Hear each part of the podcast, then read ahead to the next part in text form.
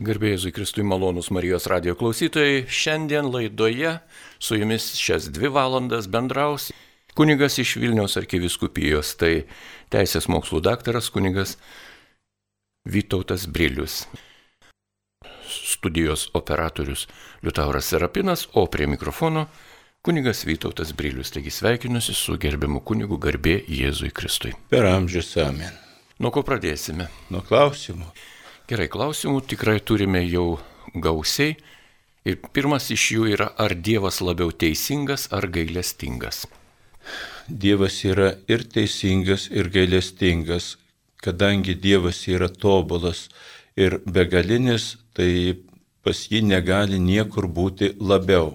Jis yra absoliučiai visiškai teisingas, absoliučiai visiškai gailestingas. Jeigu jis galėtų būti arba teisingesnis, arba gailestingesnis, arba kažkokiai dar tobulybei tobulesnis negu yra, tada jis nebūtų pilnas, nebūtų Dievas. Todėl jis turi pilnai visą gailestingumą, pilnai visą teisingumą. Tarp kitko, būti gailestingu yra teisinga. Todėl galima taip suprasti, tarsi teisingumas ir tarnauja gailestingumui, o ne atvirkščiai, kadangi teisinga būti gailestingu. Na, kita žinutė, e, gal jau ir daug kartų buvo užduota, bet ją pakartosiu. Ar žodis bažnyčia kalbiniu požiūriu yra pilnai taisyklingas? Vilniuje Dievo gailestingumo šventovė liktai bažnyčia ir nebevadinama.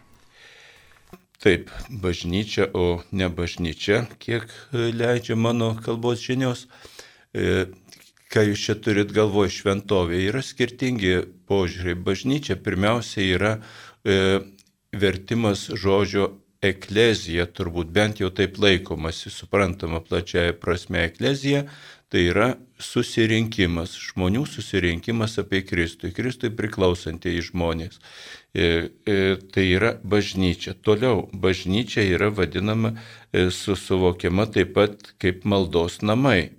Tai maldos namai bendrinė forma, jeigu panaši forma, ten turi bokštas, kliautus, dar kaž, kažkas, tai yra bažnyčia. Jeigu tai yra pastatas kažkoks, nežinau, kaip kažkada senais laikais, E, Marijonų kunigas gavo sklypelį Ukrainos, dabar aš neatsimenu, kuriam mieste, nusipirko du metalinius garažus, viename apsigyveno pats, kitam įrengė kokio plytėlę ir pradėjo steigti parapiją, kadangi tai parapijos centras kaip ir bažnyčia būtų. Šiaip tai e, koplyčia nuo bažnyčios skiriasi tuo, kad e, pagal savo funkciją. Koplyčia yra paprastai kurios nors parapijos E, Dievo garbinimo vieta, kur dažnai būna švenčiausias sakramentas, bet nebūtinai, kur e, neprivalomos visos apėgos e, ir kur žmonės tiesiog renkasi melstis. Dar gali būti šventovė, ta pati Dievo gailestingumo šventovė, kur žmonės renkasi specialiai kažkokio tai specialaus garbinimo tikslu. Gali tai būti šventas paveikslas, gali būti kažkokio šventojo kapas ir dar kažkas panašiai. Taigi e, Dievo gailestingumo šventovę galima vadinti koplyčią, galima vadinti šventovę, e, kadangi architektūriškai panaši galima vadinti ir bažnyčią, Dievo gailestingumo bažnyčią. Ir pagal E, šitą juridinę administracinę formą ten yra rektoratas. Mums paskambino jau net keli žmonės, e, pirmoji paskambino Zita iš Mažiekių, taigi gerbiamą Zita, prašom užduokit klausimą. Malonu. Norėčiau paklausti, kuo skiriasi administratorius. Pavyzdžiui, bažnyčioje buvo klebonas, tą kleboną iškėlė į kitą vietą ir atkėlė kitą kunigą ir jis ne, negavo, kad klebono pareigas, bet gavo administratoriaus. Turėčiau sužinoti, kuo skiriasi klebonas nuo administratoriaus. Praktiškai tai mažai kuo skiriasi, tik tai būtent administracinė tvarkoj. E, klebonas, e, jis visas galias, kurios priklauso klebonui, vykdo savo vardu, savo gale, kadangi tos teisės, kurios, kurios e, priklauso klebonui, jos yra pririštos prie pareigybės ir paskirtas klebono automatiškai gauna visas teisės. Administratorius yra skiriamas su klebono teisėmis. Tai yra, turi tas pačias teisės kaip klebonas, tik tai ne sava gale, bet deleguota gale vyskupo specialiai suteikta gale turi tas pačias kleboniškas teisės ir, ir pareigas ir visa kita. Tai praktiškai tai yra viena e, ir, ir, ir, ir lygios pareigos, praktiškai nesiskiria, o teoriškai skiriasi, čia jau vyskupas galvoja, kaip kas skirti. Atplamai administratorius tokia kaip ir turi laikinumo pobūdį šiokį tokį, bet nebūtinai gali būti administratorium dešimtis metų. Kitas skambutis mums skambino iš Klaipėdos, prisistatė kaip Stanislava. Prašom, Stanislava, užduokite klausimą. Garbėzui Kristui. Per amžius. Norėjau, kad padėtumėte išgelbėti užmirštą kampelį, kuris vadinasi Darbienai. O kad labiau sužinoti, tai ten ilsisi mūsų prezidento mama Onutė Nausidienė kapinėlėse Darbienų. Ir šalia netoli jos tėvelį malūnus. O kitame miesto gale dar vienu laužėmės gatvelėje kančia. Ten kenčia senutė Zinaida Serapinienė, kurią dukrelė Ingrida su trimis vaikeliais ir vyru meta iš jos pačios namų 71 metų senutę. Jinai gyvena vasarinėme urvelyje, neįleidžia net į patogumų jos namelį. Jeigu trumpiau, ką aš turėčiau daryti dabar? Nei, aš sutrumpinsiu, nei valgyti duoda, pensiją atim, atima. Gal čia ne visai man klausimas, o jeigu prezidento paklaus, ten jo mama palaidota, tikriausiai jis tą vietovę žino, gal jisai e, sutaupys kokį sumuštinį ir atvežtai močiutai pavalgyti. Prašom kitus klausimus. Taigi tęsime e, klausimus, dėkojame ir žinoma e, Stanislavai iš Klaipėdos, kuri e, uždavė tokį gražų klausimą, bet dėja čia Marijos radijas, ne prezidentūra, kiek galime, tiek dvasiškai paremėme ir pamokome žmonės. Taigi dar viena žinutė.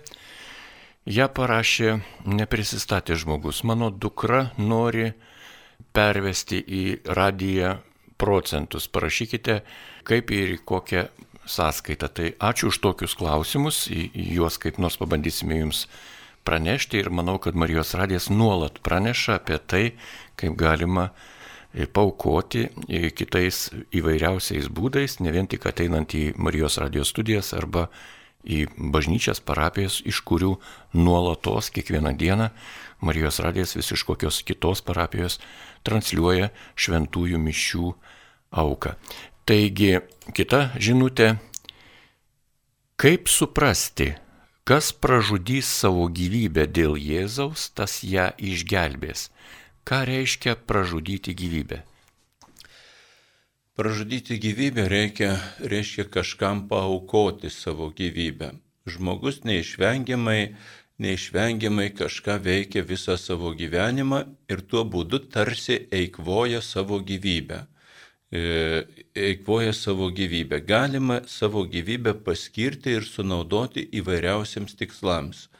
E, mokslui, menui, E, savo grožiui, sveikatai ir taip toliau ir taip toliau.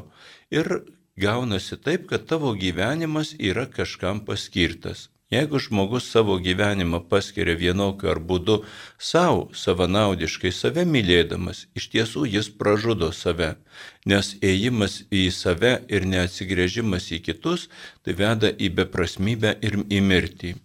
Kas savo gyvybę, gyvybę gyvenimą paukoja Kristui, tai yra pagal Kristaus dvasę, tarnaudamas artimui ir garbindamas Dievą, jis laimi gyvenimą, nes Dievas yra gyvenimas ir mūsų gyvenimas ir jo džiaugsmas iš tikrųjų yra kituose. Vienas žmogus negali savo pats tik tai užpildyti ir pats džiaugtis. Todėl, kai paukoja Kristui, laimi gyvenimą, jeigu nepaukoja Kristui, savo gyvenį jį pralaimi.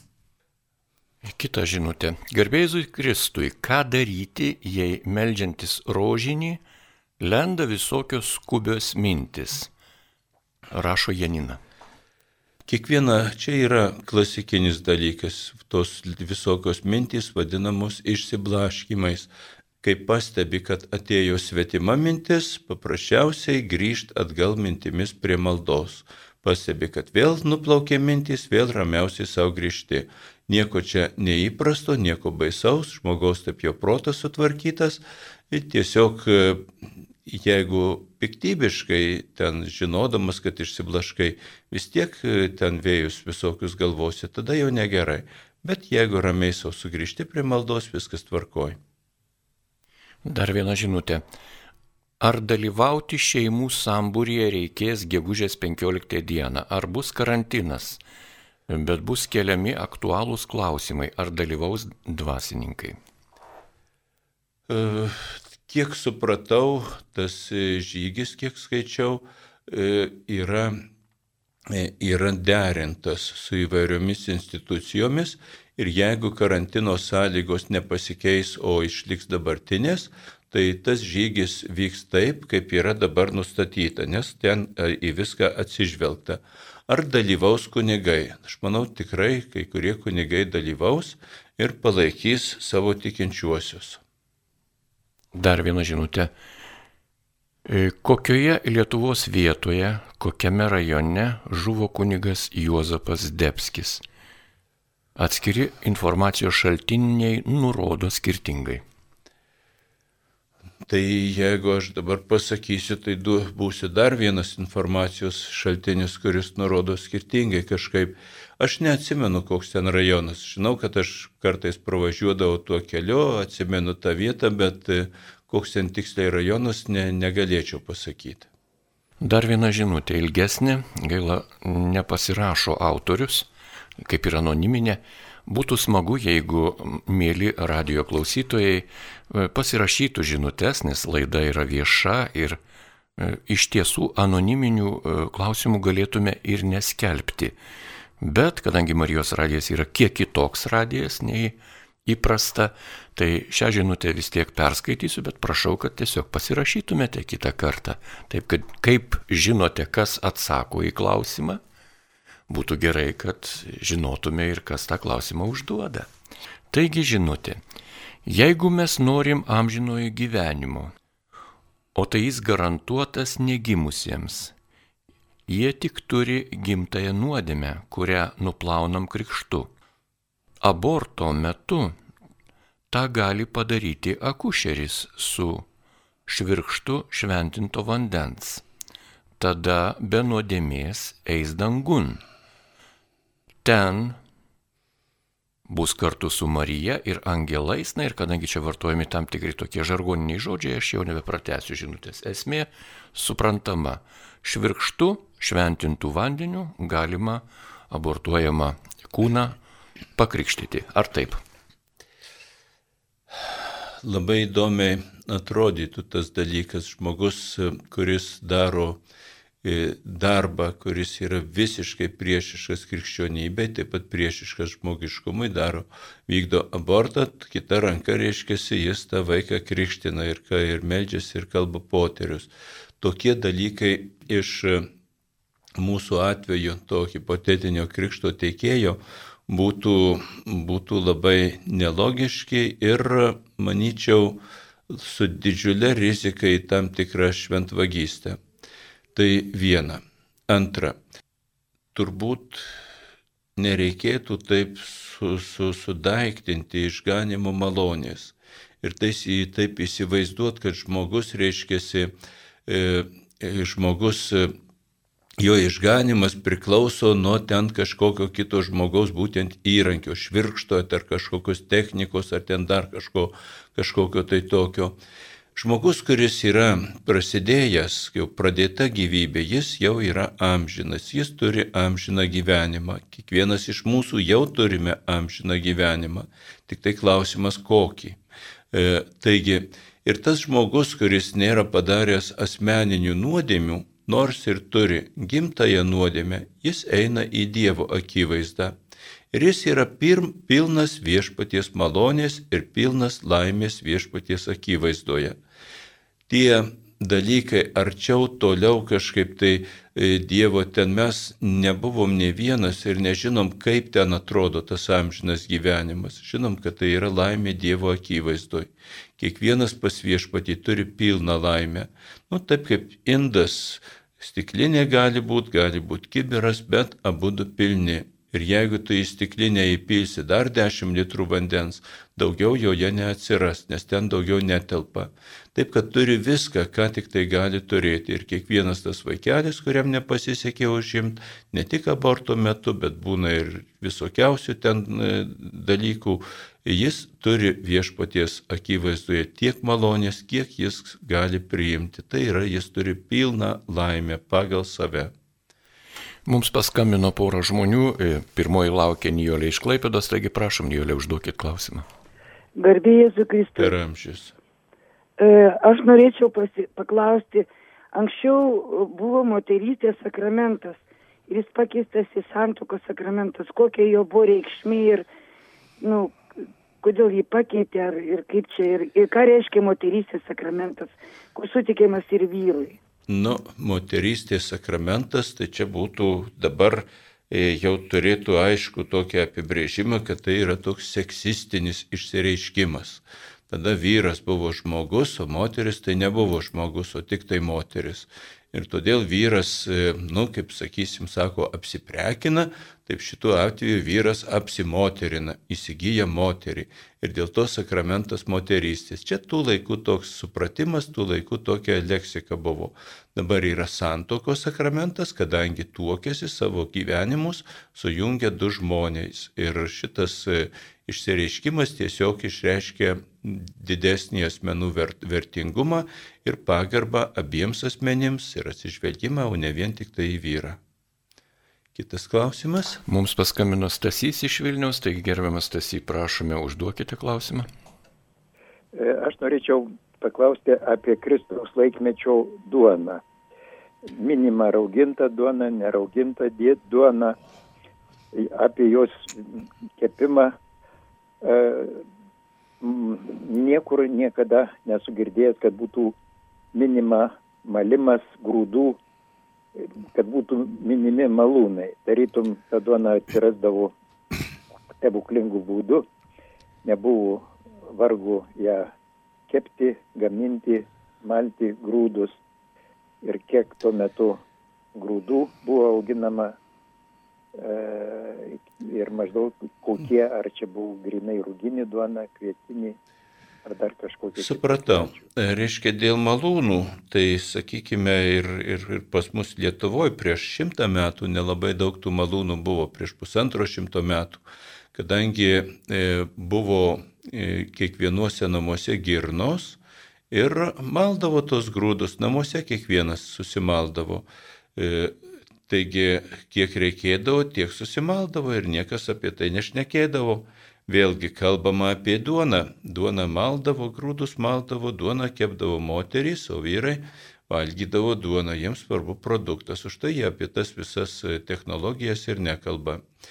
Nerauginta duona, tai galim taip įsivaizduoti, kad e, paėmėjai miltų, sumaišiai su vandeniu, galbūt įdėjai druskos ar ten dar kažko tai tokio ir iš karto iškepė. Gaunasi toksai blynas piršto storio, į, į kurį suleidži dantis ir negali ištraukti. Jeigu reikia skubėti kažkur tai, e, tai tada jinai užvalgyti tinka, bet jinai nėra nei skani, nei patogi valgyti. Išeinant žydams iš Egipto, kadangi skubiai turėjo išeiti, būtent buvo nerauginta duona kepama, būtent pabrėžė tą skubėjimą, kad nėra laiko prisiruošti. Jeigu duona išraugini, jinai iškyla, atsiranda ten tie oro burbuliukai vidur ir jie iškepa ir būna trapi, būna minkšta, smagu ir skanu ją valgyti.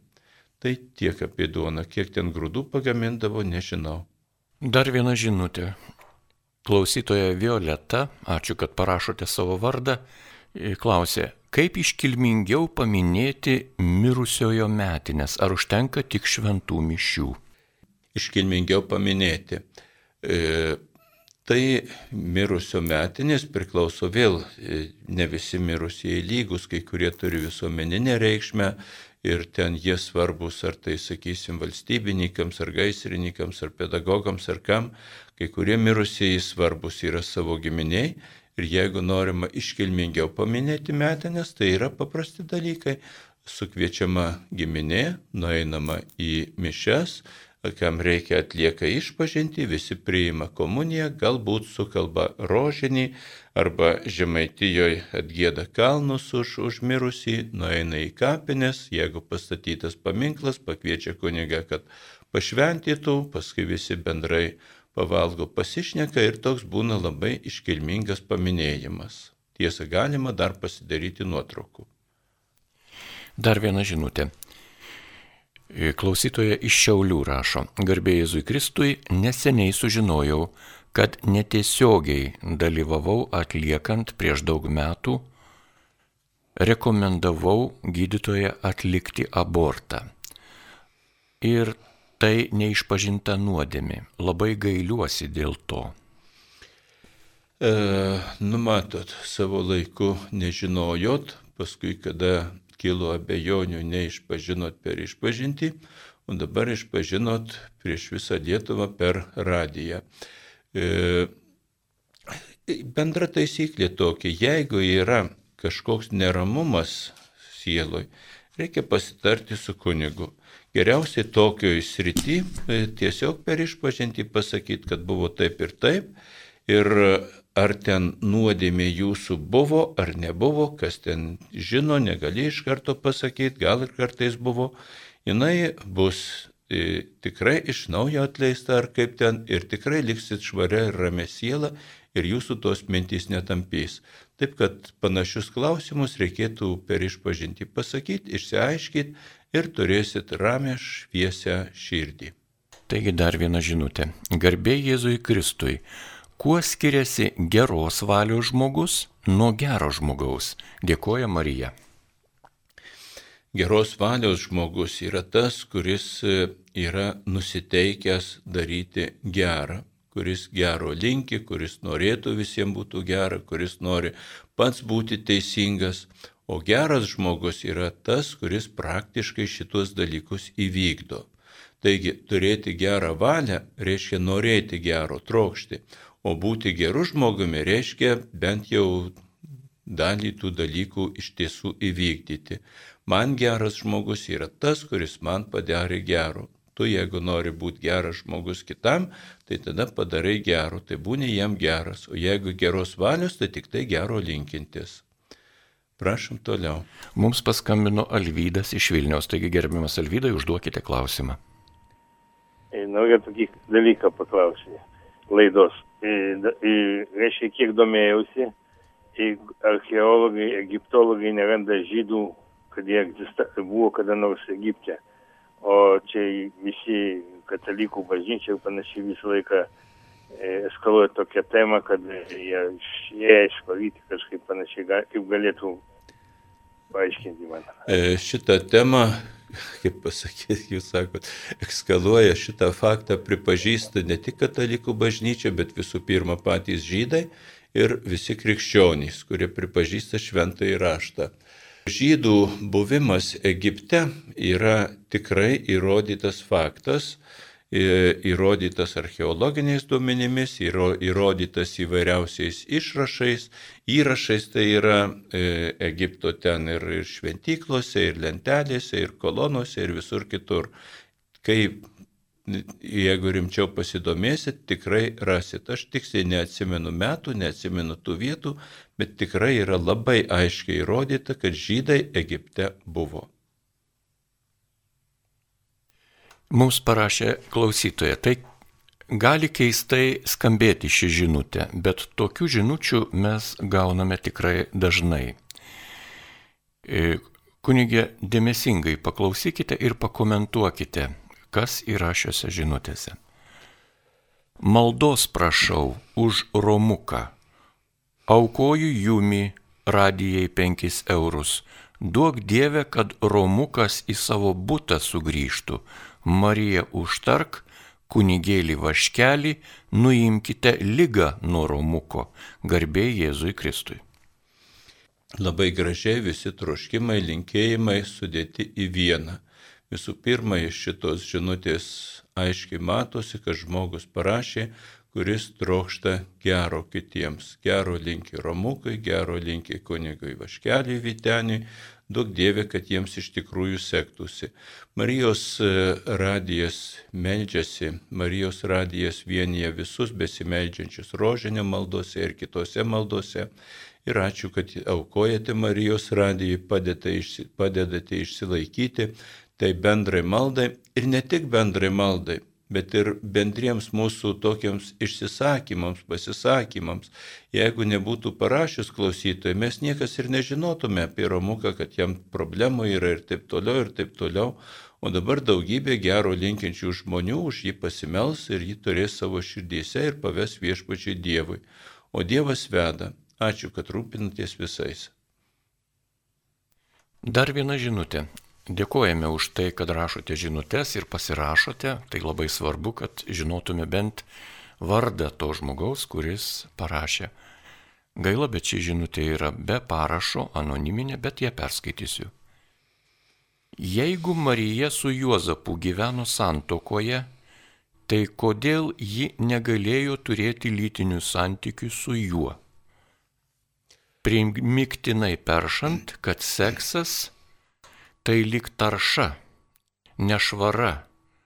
Kokie mistiniai gynekologai nustato tokius reiškinius, kestutis? Na, viena vertus, tai kestutis gal ir teisingai pasako, kokie mistiniai teologai, e, gynekologai nustato panašius dalykus. Kita vertus, o kam rūpi, kas buvo pas Mariją po Sijoną? Marija, e, kaip e, yra bažnyčios mokoma, pradėjo Jėzų būdama nekalta mergelė ir turėjo savo sūnų. Va. Ir ties šita vieta bažnyčios mokymas sustoja, o prasideda įvairūs e, žmonių interpretavimai, ten įsivaizdavimai, vienų ten labai šventi, kitų ten labai įtarus ir kokį tik nori ir taip toliau. Va, Tačiau tikėjimui šitie dalykai reikšmės neturi. Tikėjimo reikšmė turi ta, kad Marija atidavė visą save ir visiškai patikėjo save Dievui, kad Dievui nėra neįmanomų dalykų, kad be vyro šventosios dvasios veikimo jinai tapo neščia, kad Jėzus atidavė save už visą išganimą, o kaip pasakyti, darytis gynekologais mėgėjas ir dysyti tuos visus dalykus, Aš jau tikrai nenorėčiau šito daryti ir nelabai norėčiau kitiem patart. Užsimkim dvasiniais dalykais, o ne tokiais tyrinėjimais. Dar viena žinutė rašo klausytoja Kristina. Kas tai yra Sijono dukra? Sijono dukra, e, Sijonas, e, Sijono kalnas, tai yra kalnas, ant kurio pastatyta šventykla Jeruzalėje. Ir Sijono dukra tai yra Jeruzalė. Tai yra poetinis pavadinimas, daugiausiai naudojamas psalmėse. Dar viena žinutė. Rašo klausytoja Paulina. Seniau ant paminklo rašydavo mirusiojo vardą, pavardę, gimimo ir mirties datą. Dabar dažnai matom tik užrašą, pavyzdžiui, Jonaičių šeima. Prašau pakomentuoti. Nu, ką užrašė, tą mes ir matom. E, yra žmonių, kurie, kurie pasirūpina, sakysim, kad reikėtų mažiau vargo ir nereikėtų kiekvieną kartą, jeigu bendras kapas palaidoja dar ką nors, nereikėtų ten iš naujo kažką kvies, kad padarytų papildymus įrašus, kai kada pagal paminklo architektūrą nelabai numatyta vietos ilgesniems įrašams.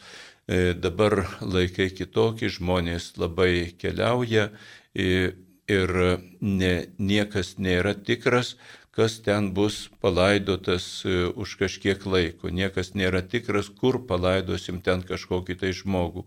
Tai galbūt žmonės apsidraudžia Nieko baisaus, žinot, žmonės lieka atmintyje ir, sakysim, eini per tas kapines, matai tuos senovinius įrašus, yra vardas, pavardė, užrašyta data, žmogus mirė prieš šimtą metų, mums nieko nesako tas vardas pavardė, bet e, jam žino bent jau giminę. Šioje laidoje su jumis bendrauja kunigas iš Vilniaus arkiviskupijos, teisės mokslų daktaras kunigas Vytautas Brilius. Na, o dar viena žinutė mus pasiekė štai tokia, ją parašė genė. Garbė Jėzui Kristui, našlė augina vieną vaikus. Vaikas susibičiuliavo su gotais ir prisijungė prie jų. Dabar jis jau 30 metų vyras. Jaučiu skaudžią kaltę. Yra laimingų žmonių, kuriems vaikystė tęsiasi labai ilgai ir 30 metų, metų sulaukia. Vieni žaidžia gotus, kiti žaidžia indėnus, kiti dar ką nors tokio. E, jeigu žmogus yra doras, jeigu jis yra garbingas, sažiningas, e, tiesiog reikia melstį Dievą, kad duotų jam dar ir tikėjimo malonės, kad e, laimintų, laimintų jį visuose darbuose, o kai jis ten žaidžia ten tuos kotus kažkokius, nu kas su juo padarysi. Jeigu yra tikras pavyzdys, jeigu yra tikra malda, tai nereikia nereikia savęs, ten sakysim, draskyti, o tiesiog ramiai pavesti Dievui ir rodyti pavyzdį. Dar viena žinutė.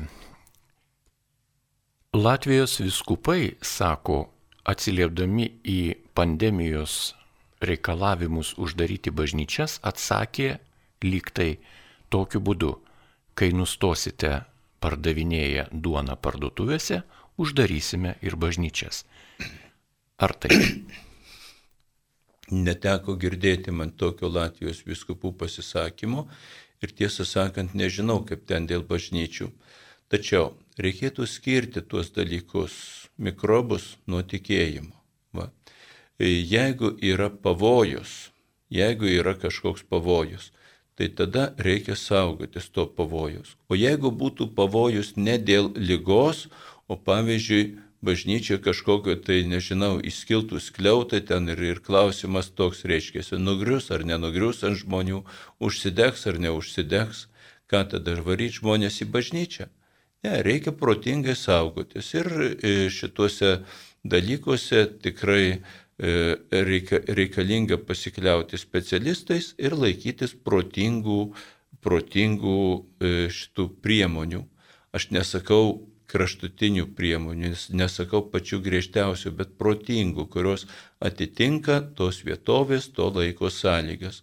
Pavyzdžiui, mūsų e, krašto viskupai labai protingai pasielgė, kada e, antro šito karantino metu, kai vienose regionuose buvo vienokia padėtis, kitose kitokia, tiesiog e, skirtingiams regionams nustatė skirtingas taisyklės, pagal to pavojaus lygį. Mes turime saugoti kit, vieni kitus ne tik malda, bet taip pat ir kitomis protingomis priemonėmis. Dar viena žinutė. Kokiu būdu mūsų protėviams pavyko aptikti, pajausti šventosios dvasios į sielos poveikį žmoguje ir kuo jie skiriasi? Kokiu būdu jiems pavyko kažką aptikti, mes žinių, ko gero, neturim, jeigu jos nėra kažkur užrašytos. Yra dalykų, kuriuos žmonės aptinka, yra tikėjime dalykų, kurie pasiekiami e, žmogaus protu, tai yra vadinamos natūralios tikėjimo tiesos ir yra apreikštos tikėjimo tiesos tokios, kurių, kurių e, žmogaus protu negalima pasiekti tiesiogiai, bet, bet tai yra šve, specialiu Dievo apreiškimu pasakyta. Dėl šventosios dvasios užuominų tokių, e, kurios gali būti kalbama apie Dievo dvasę ir panašiai ir panašiai yra šventajame rašte ir senam testamente. Tačiau konkrečiai šventąją dvasę kaip asmenį ir švenčiausią trejybę tėvas, sūnus, šventoji dvasia konkrečiai apreiškia Kristus. Ir tada, kaip Evangelijose, aš žinau, apaštalų raštuose yra nekarta parašyti, kai Kristus apreiškia ir papasakojo, tada žmonėms atsiverė akis ir jie pamatė ir senuose raštuose, apie ką tengi buvo sakoma ir, ir skelbiama. Šiaip normaliai dvasios buvimą, dvasios veikimą, kažkokį įkvėpimą, sulaikymą, dar kažką, nu, kiekvienas žmogus ne tik tai žino, bet dažnai ir pajaučia. Aišku, ne visada. Aišku, pajauti kažkokią dvasę, tai dar didžiulis klausimas, ar teisingai suvokia, ar neteisingai. Už tai mes ir savo visokius apreiškimus, regėjimus ir girdėjimus taip pat visą laiką klausim ir derinam su bažnyčios mintimi. Prašom toliau. Irūtė iš Klaipėdos, kurie jau laukia, taigi gerbiama Irūtė, užduokite savo klausimą. Garbėjus Kristui. Per amžius. Aš norėjau paklausti, pavyzdžiui, jeigu žmogus niekada neįį bažnyčią, niekada nesimeldžia ir bijo to Dievo, o kaip jį laidoti? Jeigu nereikalingas Dievas, tai nereiškia, nereikia ir bažnyčių. Ir antras klausimas, pavyzdžiui dabar pradėjo visada sumą kai būdavo garbindavo švenčiausią sakramentą įstatydavo arba taip prieš sumą pusę, nu pusę dvylikos, kaip kad kur yra, kitur gal pusė pirmos pas mus klaipėdoj, bet niekada kitur nelaik, nebe, nebepagarbina švenčiausių. Nu, nežinau, ar čia kunigų įstatymas toks yra, nu, visus kitus bažnyčios ateini, nu, tai yra pusė dvylikos garbinamas arba po, po mišių pagarbinamas. O dabar ne. Tai čia gal tik kunigai nusprendžia. Dėkoju už visus atsakymus. Mhm. Gal pradėsiu nuo antro klausimo. Dėl švenčiausio sakramento garbinimo bažnyčiose. Yra e, dėl švenčiausio sakramento garbinimo yra bažnyčios mokymas, kad švenčiausią sakramentą reikia garbyti, bažnyčios tradicija, kuri pasako, kada ir kaip garbinti. Bažnyčios tradicija skiriasi vėlgi į smulkesnės rovelės, yra atskirų kraštų, netgi atskirų parapijų tradicijos kokios nors. Viskupai nustato, kokia tvarka jų viskupijose turi būti e, garbinamas švenčiausias sakramentas adoracijos būdu. O klebonai taiko šitos dalykus savo parapijose, prisitaikydami prie konkrečių parapijos specifikų. Dėl vienokių kitokių priežasčių kiekvienose parapijose gali būti skirtinga. Jeigu kyla klausimų arba jeigu, nu, jeigu kyla protingų klausimų ir neaiškumų, reikia tiesiog pas kleboną kreiptis, kad paaiškintų, kada, kodėl ir kaip ten garbinamas sakramentas. Jeigu E, su klebonu nepavyksta išsiaiškinti, yra vyskupas, kuris atsako už viskupiją ir kuris, tarp kitko, turi tiesioginę galę kiekvienai parapijai. Taigi e, tiesiog reikėtų įsigilinti tą tvarką. Dėl pirmos klausimų dalies apie laidojimą. Anksčiau buvo prieš antrą Vatikano susirinkimą, buvo, būdavo griežtos taisyklės, netgi nelaidodavo tų kartais su bažnyčia, kurie, kurie e, netlikę Velykinės išpažinties būdavo, kurie gyveno be sakramentinės santokos, o paskui tuos nuostatus pakeitė. Na, e, yra daugybė įvairiausių komentarų. Kai kas sako, kad ar gaila ten, ar dar kas nors. Manau, kad e, vis dėlto, kadangi laidotuvių apėgos yra ne tik malda, bet taip pat yra ceremonija, kurios metu bažnyčia kaip organizacija pagerbė savo narį tikintįjį. Todėl reiškia, e, todėl jeigu žmogus ofi, nu, akivaizdžiai nu, nepriklausė tai bendruomenė, akivaizdžiai gyveno priešingai, a, tai netiktų tiesiog bažnyčia turėtų, turėtų save gerbti. Bet čia vėlgi sprendžia bažnyčia, bendruomenė vėl žiūri ir naudą, ir žalą, kokią sukurtų atsisakymas laidot. Šiaip tai reikėtų vis dėlto pagerbti ir to mirusiojo nuomonę. Jeigu jo nuomonė, jeigu jis savo gyvenimu bažnyčia pareiškia, kad bažnyčia jam nereikalinga, tai reikėtų tik tu šitą nuomonę gerbti. Tai tiek. Mums paskambino Aismantas iš Šiaulių, taigi gerbiamas Aismantai, prašom užduokite klausimą. Indų laisvės kovotojas Gandhi yra pasakęs, jeigu yra blogis ir jeigu yra, kas tą blogį gali sunaikinti ir to nepadaro, tai jis, tai jis yra to blogio bendrininkas. Ar galima Dievą pasvadinti bendrininku blogio? Kodėl jisai leidžia šį blogį? Kadangi Dievas negali būti blogiau. Šalį, blogio autorius. Kokį blogį, kokį blogį Dievas leidžia? Prašau. Kokį blogį leidžia Dievas? Nu, blogį leidžia, žiūrėkit, žemės drebėjimai, dabar korona, čia žmogaus produktas. Jo, jo nusikaltimas ne, yra daug, žemės drebėjimai, lygos. Ar žemės drebėjimas, ar žemės drebėjimas yra blogis? Bet koks yra žmogus, kuris Žiūrėkite, žmogui, dabar jeigu paėmus, vat, kai jūs pasakėte apie tuos vat, tokio pobūdžio blogius kaip žemės drebėjimas, žemės drebėjimas nėra blogis. Tiesiog mūsų žemė yra tarsi ji būtų gyva jinai yra kažkoks tai skystas, reiškia, ištirpusios uolienos lašas su plona plutelė, ta plutelė, reiškia, e, apgaubta plonytė atmosfera ir ant tos plutelės yra truputis vandens, kai kur drėgna, jeigu žemės masteliu pasižiūrėti, ten kažkoks pelėsiukas, reiškia, e, visa gyvybė su visom formom. Maždaug taip atrodo Žemė iš tolo. Ir būdama jinai planeta, e, turi savo judėjimą, visą kitą, natūraliai ten vyksta visi procesai. Kai kur sujuda, mes vadinam Žemės drebėjimu, kažkas dar vyksta. Mikrobai visokiausi, kurie sukelia lygas ir kitokie dalykai, jie vyksta pagal savo dėsnius, jie nori gyventi. Žmogus gyvena tose sąlygose. Ir tose sąlygose jis turi išgyventi. Ačiū Dievui, per daugybę amžių žmogus suvokė ir Dievas apreiškė ir išaiškino, kad netgi svarbiausia neišlikti kaip biologiniai kažkokiai rūšiai būtybė, bet būtent gyventi žmogiškumu, realizuoti žmogiškumą. Tuo žmogus yra nuostabus. Taip pat mes kalbame ir apie moralinį blogį, kurį sukuria žmogus, reiškia, ten visokie karai, ten prievartos ir taip toliau ir taip toliau, kol dėl Dievas tuos dalykus leidžia.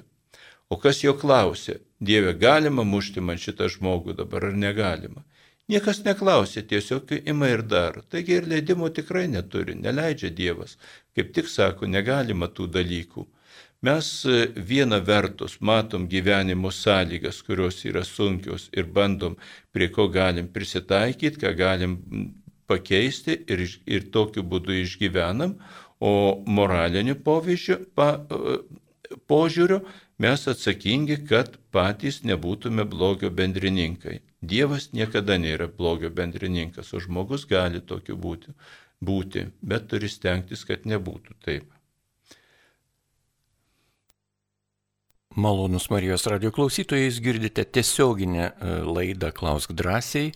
Dėkojame už tai, kad rašote žinutės ir skambinate į tiesioginį eterį. Čia Marijos radijas.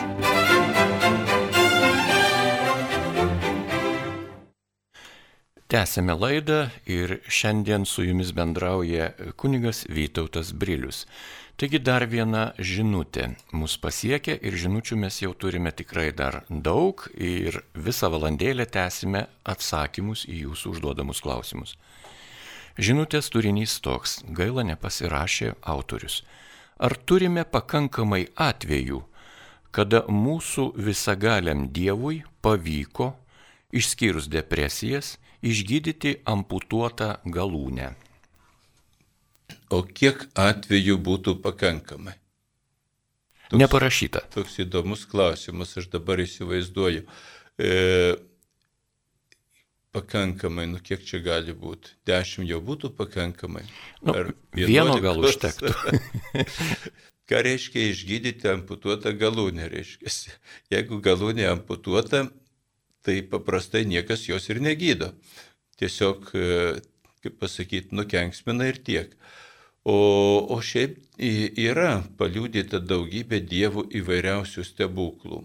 Jeigu kam nors yra aktualu, kad nežinau, nu amputuotų dalykų jie jau sunaikyti, bet kam nors, kad atauktų ranką ar koją, tai tegu meldžiasi ir e, atsiras tie dalykai. Nereikia, tarp kitko, su, sureikšminti tą dalyką, kad e, būtų ten tos kojos rankos. Esmė yra tokia, ar galiu gyventi kaip žmogus, ar galiu būti laimingas.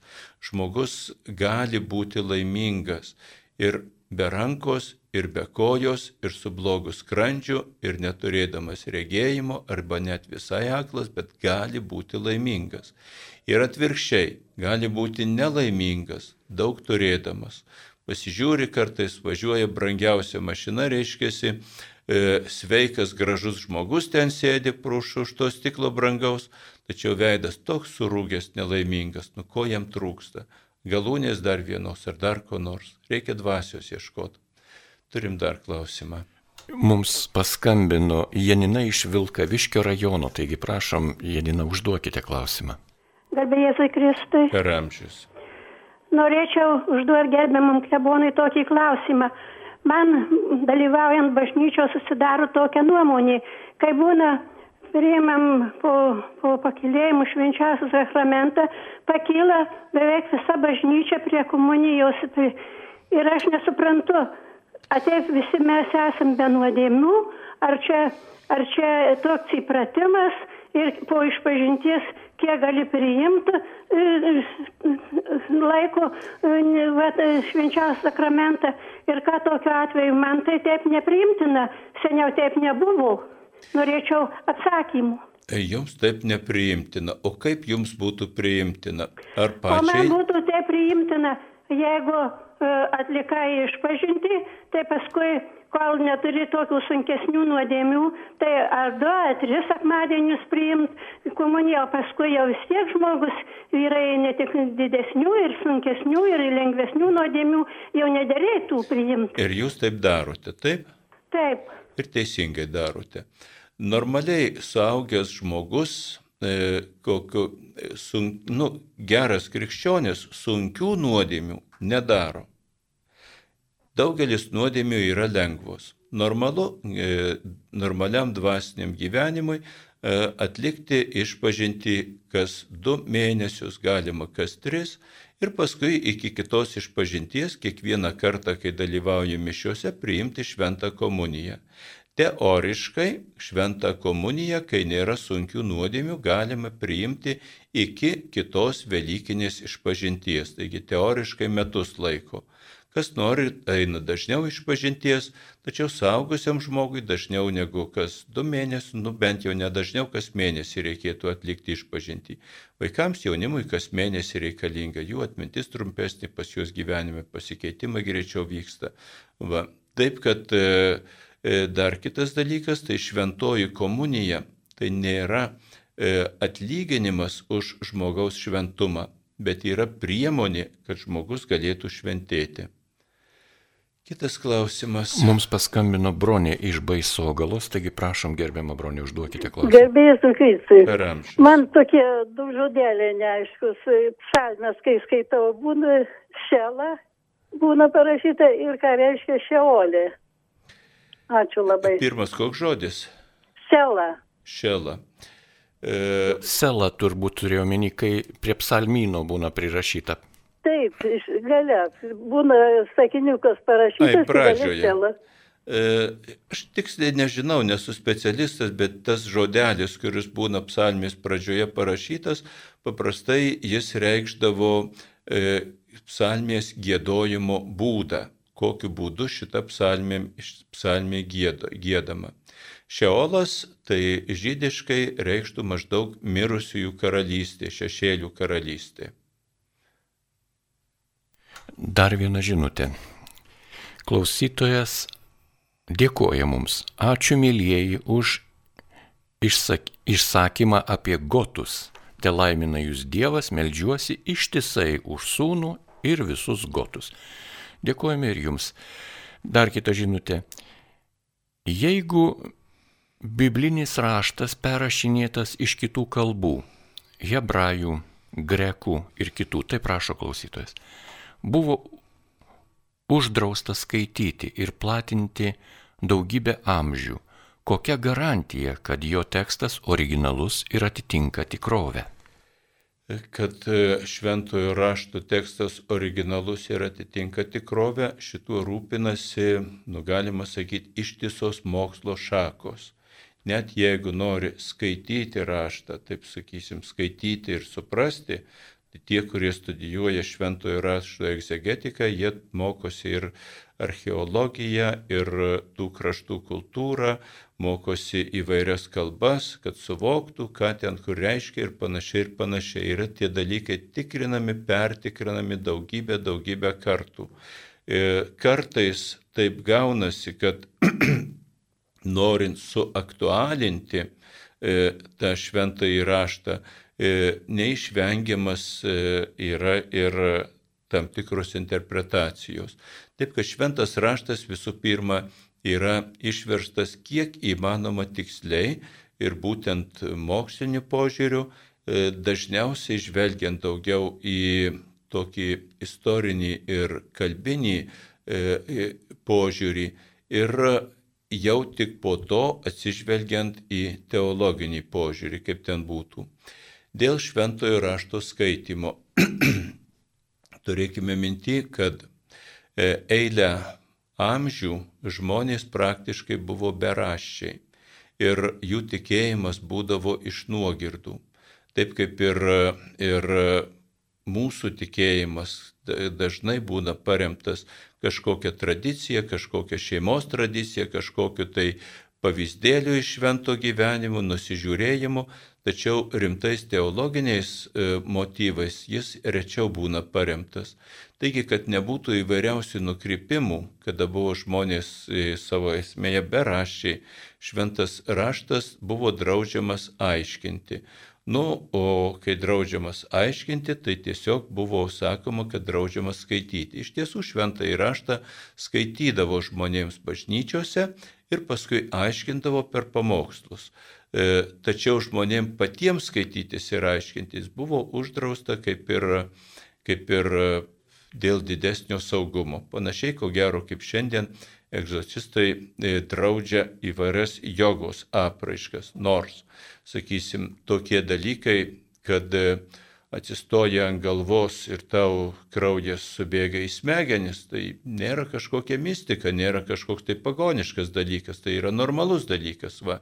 Bet kad žmonėms būtų saugiau, kad vieną pradėję nuo, nuo vieno neužsiimtų kito, paskui E, nenuvažiuotų kažkur neteisingais keliais. Tiesiog e, egzorcistai sako, iš viso neprasidėkit su jokia joga, net ir fizinių pratimų nedarykit. Tai tiek tada iš klausimą. Iki muzikinės pertraukėlės numatytos šioje laidoje dar e, skambina mums Mykolas iš automobilio. Gerbiamas Mykolai, tikiuosi naudojate laisvų rankų įrangą. Taip, aš esu sustojęs. A, tai puiku, tai užduokite, prašom klausimą. Garbėjai Jėzui Kristui. Ramčius. Norėjau padėkoti už jūsų nuostabią laidą ir tikrai labai įdomius ir klausimus, kuriuos girdžiu yra ir jūsų atsakymai. E, mano klausimas būtų štai toks. Giliai, gilias krikščioniškas tradicijas turinčios šalis kaip Ispanija, Italija, skaitant ir Junktinės Amerikos valstijas, yra įteisinusios tos pačios lyties asmenų partnerystės. Aš nekalbu apie santokas, apie partnerystės. Bet Lietuvos bažnyčia pasisako prieš tokio instituto įteisinimą Lietuvoje. Ir aš suprantu, kad e, skirtumas tarp santokos didelis ir partnerystės, bet partnerystė sudarytų galimybę žmogui, na, jeigu serga ligoninėje aplankyti ar, ar kažkokius kitus, na, tiesiog na, žmogiškus dalykus atlikti, besirūpinant vienu, kit, vienas kitu sakykite, kodėl Lietuvos bažnyčia pasisako prieš tai? E, turbūt todėl, kad po šitą partnerystę yra slepiamas e, siekimas į santoką. Ką reiškia partnerystė? Pat partnerystė tai pirmiausia yra sutartis, tai yra žmonių bendra valia. Ten sakysim, dvi šalys, trys šalys susitarė kažkokiu klausimu, turi bendrą valią ir tada dalyvauja, bendrauja kaip partneriai. Jeigu kalbant apie šitą e, vienos lyties partnerystę arba, sakysim, partnerystę dviejų lyčių nesudarant santokos, paprastai teisinis klausimas yra toks, kaip mes dalysimės turtą. Ar mes turėsime prieimą prie e, vienas kitam prie sveikatos duomenų ir panašiai ir panašiai.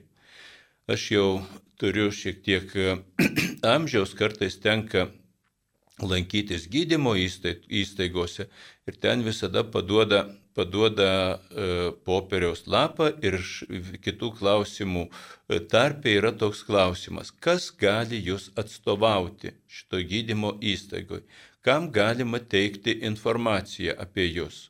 Ir jeigu aš įrašau kažkokį asmenį, Bet kokį asmenį galiu įrašyti. Man su juo nereikia sudaryti partnerystės e, sutarties, tiesiog aš jį įrašau ir jis gauna informaciją apie mane toj gydymo įstaigoje.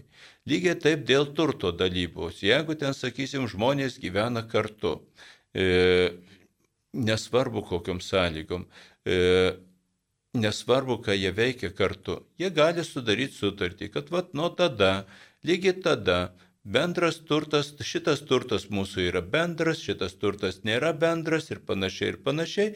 Ir tada gali, gali e, atsitikus, sakysime, išsiskyrimui, ramiai pagal tą sutartį savo turtus pasidalyti. Gali būti padaryta tokia tipinė sutartis, tipinė sutartis, e, kurią galbūt vadintų partnerystė, ne kiekvienas gali pats sugalvoti visus galimus variantus, taip kaip turime pavyzdžiui tipinę nuomos sutartį, pirkimo pardavimo sutartį, kurie atsižvelgia įvairius niuansus. Taip ir čia gali būti paimta daugelis bendresnių dalykų, sudėta į vieną vietą ir parašyta tipinė partnerystės sutartis. Kaip teisinė sutartis reiškia, ji gali veikti jau dabar niekas jai negali prieštarauti, nei valstybė, nei bažnyčia, jeigu dėl teisėtų dalykų susitarė žmonės. To žodžio partnerystė Lietuvoje dar jis irgi nėra priimtas valstybės metu, mastu, bet gali būti priimtas. Bažnyčia prieš partnerystę žmonių bendrai dalytis turtą, bendrai prieiti prie informacijos ar kažko, nieko neturi bendro. Bažnyčia tik tai nori išsaugoti šeimą. Šeima tai yra vėlgi yra savoka iš senovės laikų atėjus ir, ir turinti giliausią tradiciją turbūt nuo žmonijos pradžios. Va ir bažnyčia saugo šitą šeimą ir laimina šeimą. Jeigu žmonės nenori gyventi šeimoje, tai, ne, tai yra nenori dovanoti viso savęs visam gyvenimui, natūralioj dviejų lyčių sąjungoje. Bažnyčia tokių žmonių nepasmerkia, tačiau jų nelaimina. Lygiai panašiai, kaip sakysim, ir tas e, homoseksualus gyvenimas, kuris labai svarbus. Bažnyčia yra prieš tokį dalyką. Kas yra tas homoseksualus gyvenimas? E, tai yra, kada žmonės kažkokį tai malonumą gauna, tai yra specifiniu būdu, va iš tų savo santykių. O kiti žmonės, pavyzdžiui, gauna malonumą gerdami alkoholį vartodami narkotikus, irgi tikrai gauna malonumą. Va. Bažnyčia nesmerkia nei vienų, nei antrų, tik tai sako, kad va, yra malonumų, kuriuos žmonės gauna, bet jie yra nenatūralūs, nepriimtini, neteisėti, tiem žmonėms reikia padėti ir jokių būdų nei alkoholizmo, nei ten kitokių e, nenatūralių blogų dalykų nelaimina. Laimina tuos dalykus, kurie veda į savęs dovanojimą, į gyvenimą. Tai gal tiek. Pirmą laidos dalį jau baigėme. Malonus radio klausytojai, jūs girdite laidą, kurioje jums pasakoja ir jūsų klausimus atsako Teisės mokslų daktaras kunigas Vytautas Brilius.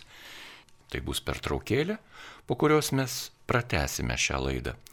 Dar vieną valandą.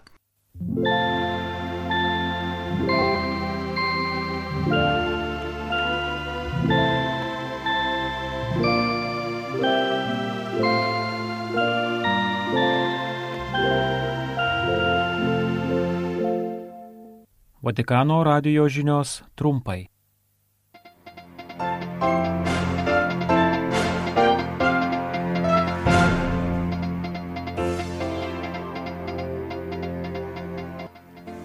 Jurgienės, jėzuitai ir popiežiaus įžadų sukaktis. Beatifikacija Gvatemaloje dešimt kankinių paskelbti palaimintaisiais. Italijoje Akvilos viskupija rengėsi popiežiaus šventojo Celestino atlaidams. Ramadanas šventojoje žemėje. Katalikų parapijos dėmesys Jericho musulmonams. Sveikata ir gerovė. Popiežiškosios kultūros tarybos ir kūra fondo konferencija.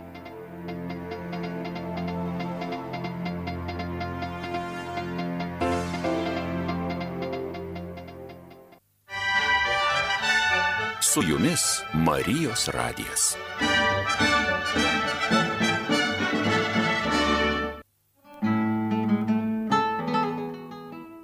Mėly Marijos radio klausytojai, mums visiems yra reikalinga viešpaties pagalba ir globa. Tad nepaliaukime vilėsi juo, kad ir kokiose sudėtingose situacijose atsidurime, kad ir kaip dažnai krentam į tą pačią nuodėmės duobę.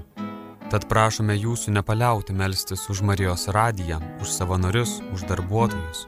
Taip pat kviečiame susitikti su Marijos radijo savanoriais ir taip prisidėti savo auką prie Marijos radijo išlaikymo balandžio 25 dieną, sekmadienį, Klaipedos švenčiausiosios mergelės Marijos taikos karalienės bažnyčioje, Šiaulių Šventojo Jurgio bažnyčioje bei Gargždų Šventojo Arkangelo Mykolo bažnyčioje. O balandžio 26 dieną, pirmadienį, Vilniaus Šventojo Jono Bosko bažnyčioje. Marijos radijas tai krikščioniškas balsas jūsų namuose.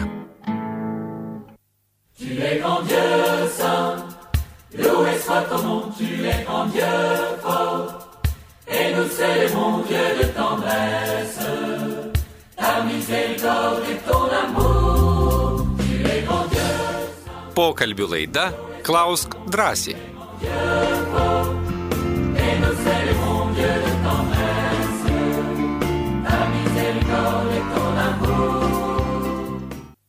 Šioje laidoje į jūsų klausimus atsako kunigas Vytautas Brilius. Tęsėme laidą. Taigi, gerbiamas kunigė, tęsėme žinutės. Dar viena žinutė, kuri buvo atsiusta mums pirmoje laidos dalyje.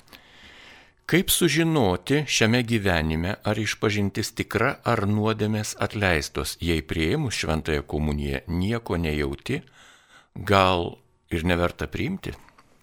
Ar išpažintis gera ir nuodėmės atleistos priklauso nuo penkių sąlygų, kurios vadinamos penkiomis atgailos dalimis. Pirma, nuodėmės atsiminti, antra, už jas gailėti, trečia, pasiryšti, ketvirta, išpažinti ir penktą, atsilyginti ir taisyti. Jeigu nuoširdžiai stengiamasi be e, pažeidimų, esminių pažeidimų išpildyti visas šitas dalis, išpažintis yra gera.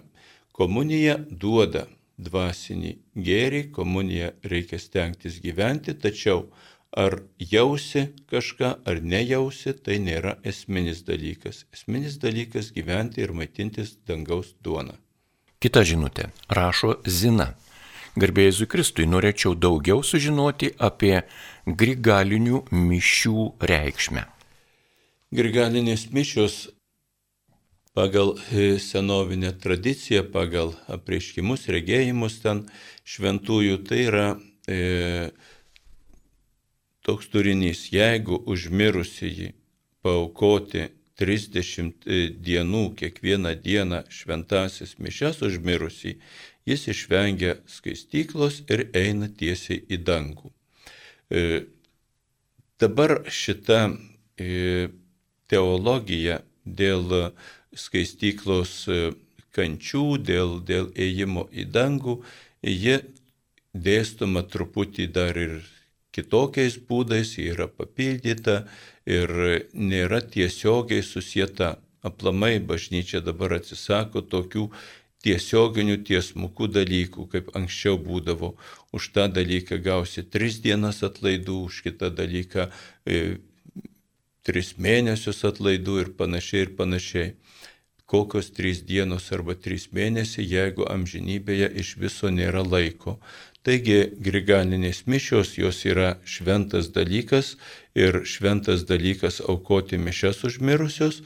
E, tiesmukai reikia stengtis nesuprasti, o praktiškai, nu, ne viską aiškintis tiesmukai, o praktiniu požiūriu tai e, užsakyti, kad kunigas 30 dienų tik vieną intenciją laikytų e, mišes mūsų aplinkybėmis yra labai sunku. Tas įmanoma galbūt kreipiantis į vienuolynus, kurie turi kokį nors, jeigu taip pasakyti, atsarginį kunigą, kuris gali šitą dalyką padaryti. Prašom toliau. Ar prieš mūsų erą žmonės tikėjo į tą patį Dievą? Dievas yra vienas visais amžiais, prieš pasaulio sukūrimą per visą amžinybę. Žmonės e, Dievą supranta į, į, įvairiai, suvokia įvairiai, aiškina įvairiai ir e, tikėjimo pilnatvę paskelbė Jėzus Kristus. Nuo Jėzaus Kristaus žmonės pradėjo skaičiuoti, kad tai yra mūsų era, era po Kristaus. Ta pati Dievą galima ir klaidingai, ir klaidingai garbinti, ir e, klaidingai jo valią suprasti.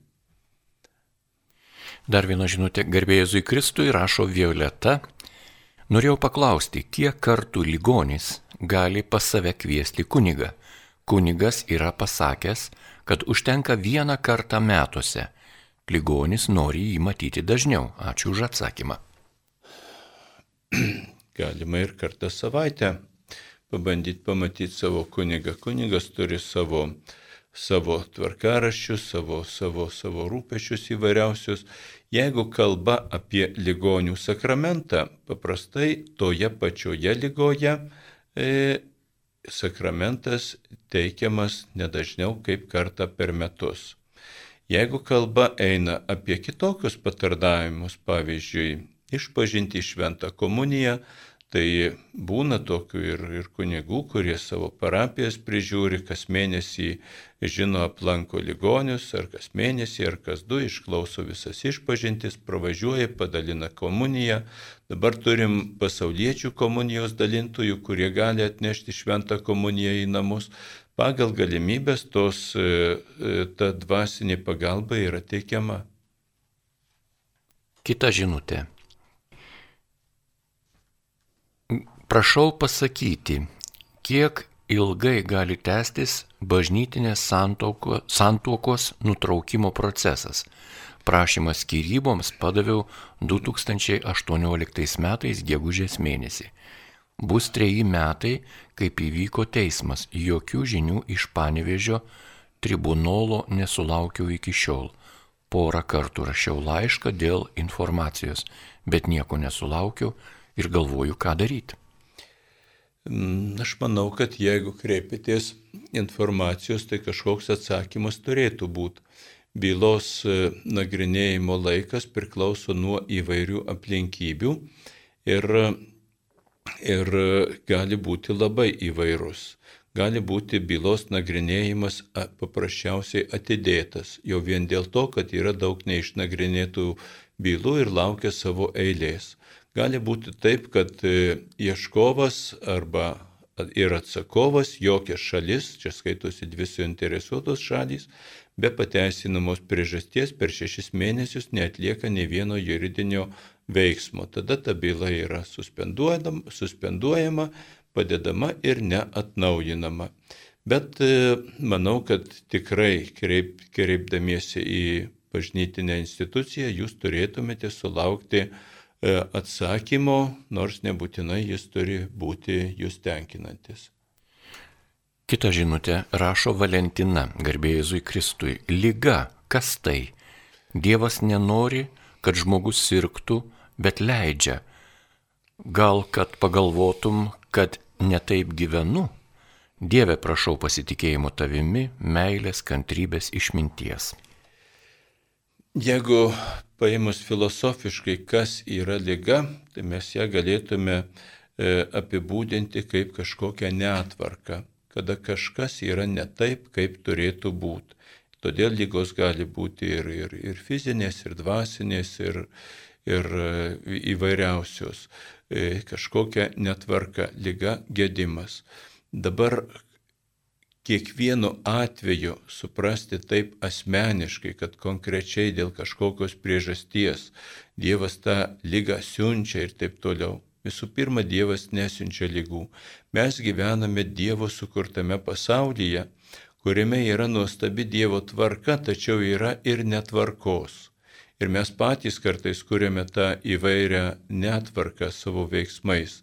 Yra netvarkos įvairiausiose srityse klimato netvarkos, dar kažko tai dar, taip pat ir mūsų nesveikatos. Jeigu nebūtų lygų, nuo ko tada žmonės mirtų? Irgi klausimas toks, o mes esame laikini šiame gyvenime. Tiesiog stengiamės gyventi gyvenimą kaip galima sveikiau, teisingiau, gražiau, stengiamės tomis sąlygomis, kuriomis būd, bū, gyvename, išlikti laimingi ir teisingi priimam iš Dievo viską kaip dovana, net ir lygą galim iš Dievo kaip dovana priimti ir panaudoti geram, o taip ir gyvenam. O kiekvienu atveju ieškoti tiesioginės priežasties mes jų niekada nesurasim. O jeigu iš, priprasim ieškoti, tai galim įkristi į didžiulės klaidas. Dar viena žinutė viešpatė apšviesk šventą dvasę seserį Zinaidą, brolį Leonidą, brolinę Audrą, tetą Eleną, pusbrolius Mindaugą ir Vaidą, kad jie nenori su Nina, su Nina giminiuotis, Marija užtark. Kita žinutė. Viešpatė išnaikink tą lygą, kurią žmonės serga, kad ta lyga mm, skaudžiai, skradžiai žemę prasmektų, maldauja Nina. Dar viena žinutė. Dievas yra mūsų ir mes, kaip mokam, taip melžiamės. Ir manęs jis išklauso Ar man abejoti, tai prašo Antanina. Abejoti kuo? Neparašė. Neparašė. Tai vat klausimas, aš nežinau, kokie yra dalykų, kuriais reikia abejoti. Šiaip gerai, kad Dievas išklauso, tačiau esmė reikėtų nepamiršti tokį dalyką. Dievas nėra tam, kad išklausytų mūsų maldas. Mūsų maldos labai dažnai yra nukreiptos tam, kad mes geriau įsitvirtytume šioje žemiškoje realybėje. Tuo tarpu, kai žmogus su savo dvasia, e, jis yra daug aukščiau negu mūsų žemiška realybė. Ir žmogus e, savo dvasios vedamas, savo kūno darbais e, šį pasaulį pakelia į aukštesnį lygį. Todėl ir mūsų prašymų bent jau, bent jau dalis, tokia reikšminga dalis, turėtų būti apdvasinė prasme, siekiant tų dalykų, kurių trokšta Dievas, kurių trokšta Jėzus Kristus. Tada tikrai galėsim būti e, laimingi, kad Dievas ne tik padeda mums išgyventi šiame gyvenime, bet mus iš tikrųjų pašventina. Jeigu Dievas išklauso, ačiū jam, visada būti dėkingiams. Dar viena žinutė. Duok Dievę sūnui Šarūnui sveikatą, Augiui sveikatą, Bronytei sveikatą, Romukui sveikatą, Robertui sveikatą, Ramutei sveikatą, Arūnui sveikatą, Marija užtark. Kita žinutė.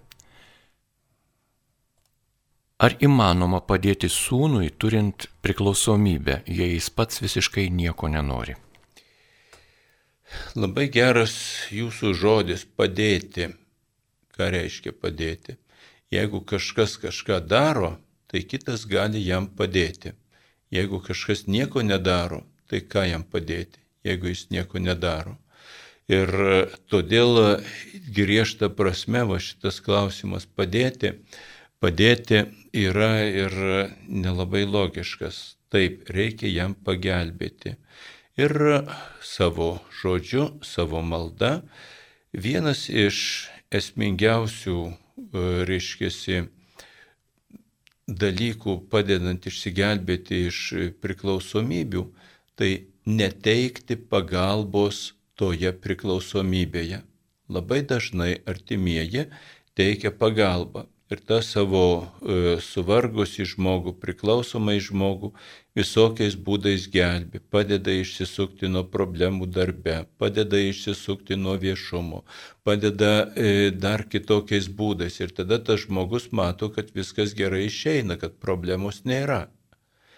E, kad žmogus pradėtų kilti, labai dažnai reikia jam pasiekti dugną. Jeigu jūs pasiklausysit istorijų žmonių, kurie nugalėjo tas priklausomybės, praktiškai visada surasit, kad ir jis pajuto, kad jau visiškas dugnas ir toliau šitaip negali jis gyventi, negali sauliaisti. Ir tada pradeda kilti. Prisimenam Jėzaus pasakojimą apie sūnų palaidūną, kuris pateko į badą, ganė keulės, jam neduotų net ne keulių ėdalo valgyti. Bet jeigu jis būtų gavęs tą keulių ėdalą valgyti, tai jis būtų ėdęs kartu su keulėmis ir toliau gyvenęs kaip keulė. Bet kai negavo nie to, pamatė, kad jo dugnas apsisuko, grįžo, grįžo pas tėvą. Taip ir e, su šitom priklausomybėm. Leiskit žmogui pamatyti dugną, tai bus didesnė tikimybė, kad greičiau jisai užsinorės sveikti. Klausom toliau. Kitos žinutės. Viešpatie apšviesk Saulių šventąją dvasę, jam sveikatos, visko, ko jam trūksta, meldžiu už jį ir prašau pasimelsti jūs. Dar viena žinutė.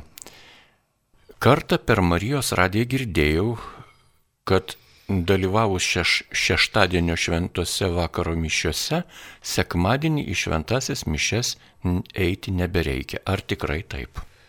šeštadienio vakare, jeigu tiksliai tai jau po pietų, yra aukojamos sekmadienio mišios, tai yra sekmadienio išvakarės. Ir todėl dalyvaujantis šeštadienio vakar, va, vakaro mišiuose sekmadienio pareigą įvykdo. Kita žinutė.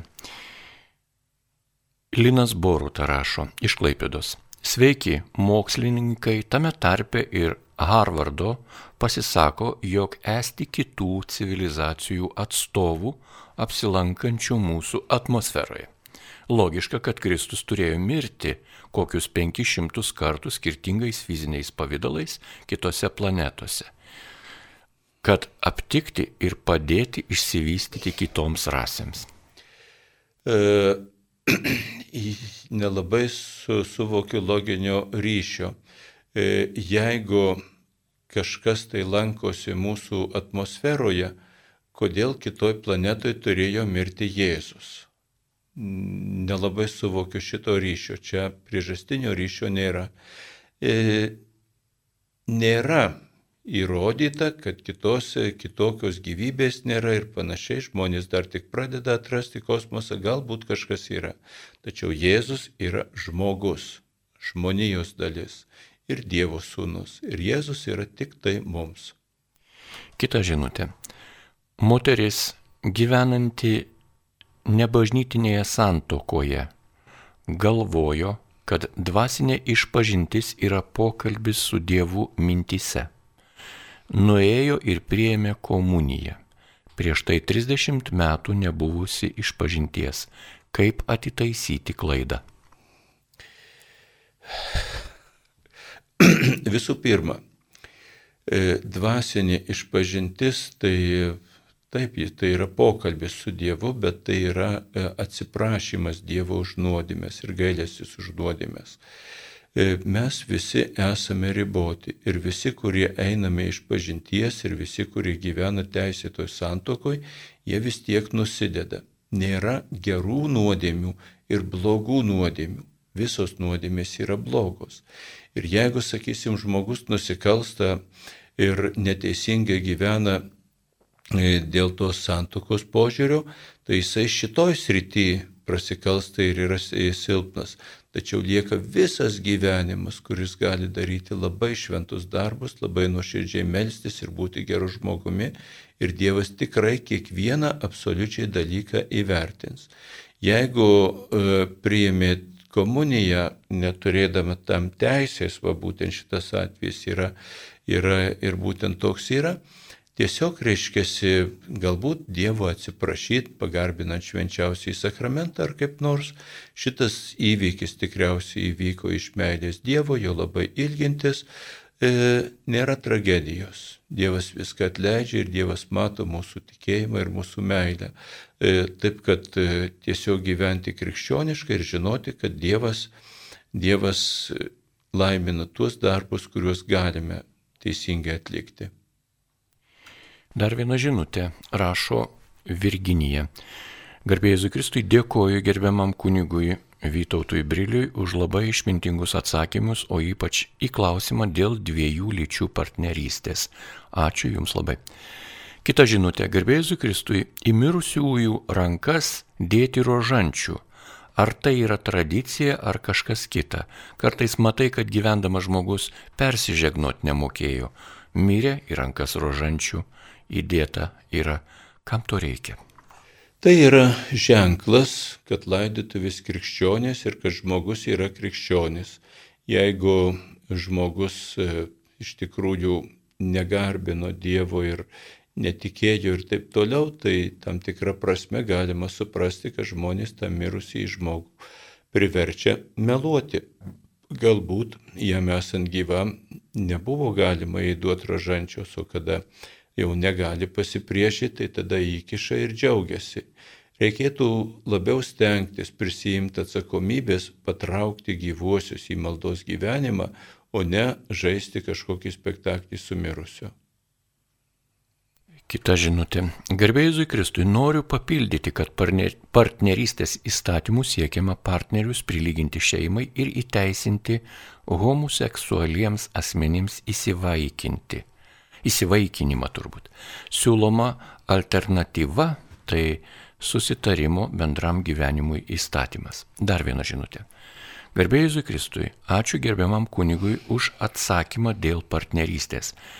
Kaip užsienio praktika rodo, iš pradžių būna partnerystės įteisinimas, o paskui seka ir santokos vaikų įsivaikinimai, galbūt ir surogatiniai dalykai. Ir taip ištrinama riba, po truputį. Šiai dienai tikrai yra įmanoma notariškai viską sutvarkyti ir nėra reikalo dar kokio papildomo įsakymo, įstatymo ar priemonių renkti. Ačiū Jums. Dar viena žinutė. Garbėjai Kristui, šiemet mūsų parapijos bažnyčioje Velykų rytą nebuvo Kristaus kapo. Po Velyknačio pamaldų viską pašalino. Žmonės atėję tik Velykų rytą buvo nustebę. Ar taip jau visur, rašo Stasi. Taip, pirmiausia atsakysiu į tas žinutės dėl partnerystės ir tų dalykų. Iš tiesų, e, žmonės, kurie stengiasi e, inicijuoti tuos įstatymų prieimimą, jie siekia tolesnių e, tikslų, kad partnerystė kad būtų prilyginama santokai, kad santoka būtų teikiama e, vienos lyties žmonėms, kad galėtų įsivaikinti. Netgi yra aiškiai matomos tendencijos e, siekiama įteisinti, kol kas Lietuvoje ačiū ne, bet tose šalyse, kur jau padaryta pažanga su tom partnerystėm ir santokom, vienos lyties siekiama įteisėti pedofiliją, kad būtų galima santykiai su vaikais, nes jie labai to nori. Va, e, šitie dalykai tikrai yra. Pas mus kol kas jie nėra skelbiami. Kodėl šitų dalykų žmonėms reikia? E, jie viduje supranta, kad yra negerai bet jie bando padaryti, kad būtų nenuodėmė. Ir todėl šitą dalyką nori, kad visi pavadintų ir pasakytų, kad tai nėra nenuodėmė. Panašiai tas pats, kas nueit pas kitą daktarą, man šitas daktaras uždraudė, reiškia, nežinau, valgyti kažkokius produktus, nueisiu pas kitą, duosiu pinigų, tai pasakys, kad tau galima. Tačiau ar iš tikrųjų pasidarys sveika, čia jau kitas klausimas. Stengiasi žmonės vargsta, kenčia dėl tų savo dalykų ir, ir čia vos ne kaip priklausomybė. Taigi, dėl Kristaus kapo yra apėgos, kurios nustatytos apėgynuose ir kunigai laikosi pritaikydami jas vietos sąlygoms. Aiškykitės su klebonais. Mums paskambino pora žmonių, pora klausytojų, taigi Danutė iš Vilniaus. Gerbiama Danutė, prašom užduokite klausimą. Mhm, ačiū. Garbėjai Zui Kristui. Per amžius praėjusią savaitę girdėjau nuostabią laidą apie kompozitorių Juozą Naujalį.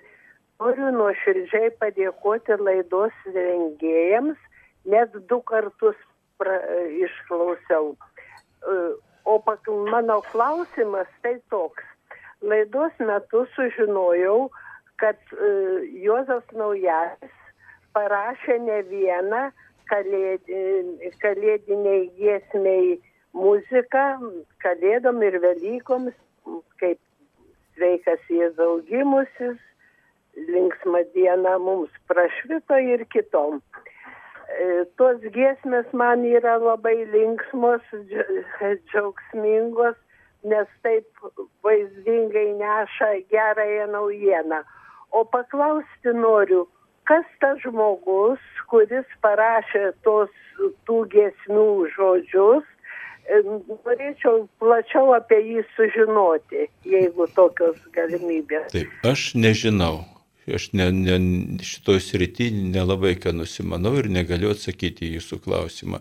Bandykit užduoti klausimą internetu Marijos radijoje arba paprašyti, kad kitoj laidoj paaiškytų, kaip bus muzikinės laidos. Mūsų skambina ir Birutė iš aukštaitijos. Taigi, Birutė, prašom užduoti klausimą. Ačiū, kad palaukit. Gerbėjai Jėzai Kristai. Per amžius. Mano klausimas būtų susijęs su giesmėmis. Ar dabar tokia mada mums vyresnio amžiaus žmonėm nelabai patinka, kai e, čia, nu, nežinau, giesmės yra 84 metais išleistas giesmė, nu, ne giesmėnas, liturginiai smildynės. Ten giesmių baisybė šimtai. Bet kodėl niekas negėda, o, nu, tu, taip mes susidarom nuomonę, kad čia mergaitės, e, kurios kaip Vainstinos susikūrė pačios muziką pačios žodžius, tai ir čia bažnyčioj. Kai radi, per radiją aš visą laiką klausiausi, tai galiu aš ją išjungti. Bet tai kai bažnyčioje gėda kažkokius, nu vadinasi gėda, bet ten ne, ne, nežinau, ar ten giesmės, jeigu paminė vieną Dievo žodį, tai tai nereiškia, kad giesmė. E, klausimas yra labai praktiškas. Skirtingose bažnyčių gėdamos skirtingos giesmės, klebonas visada atsakingas, kad giesmės būtų, kaip pasakyti, neprieštarautų bažnyčiai savo turiniu, nei savo melodiją. Bando tuos dalykus išlaikyti. Giesmės yra tikinčiųjų tam tikra saviraškos forma.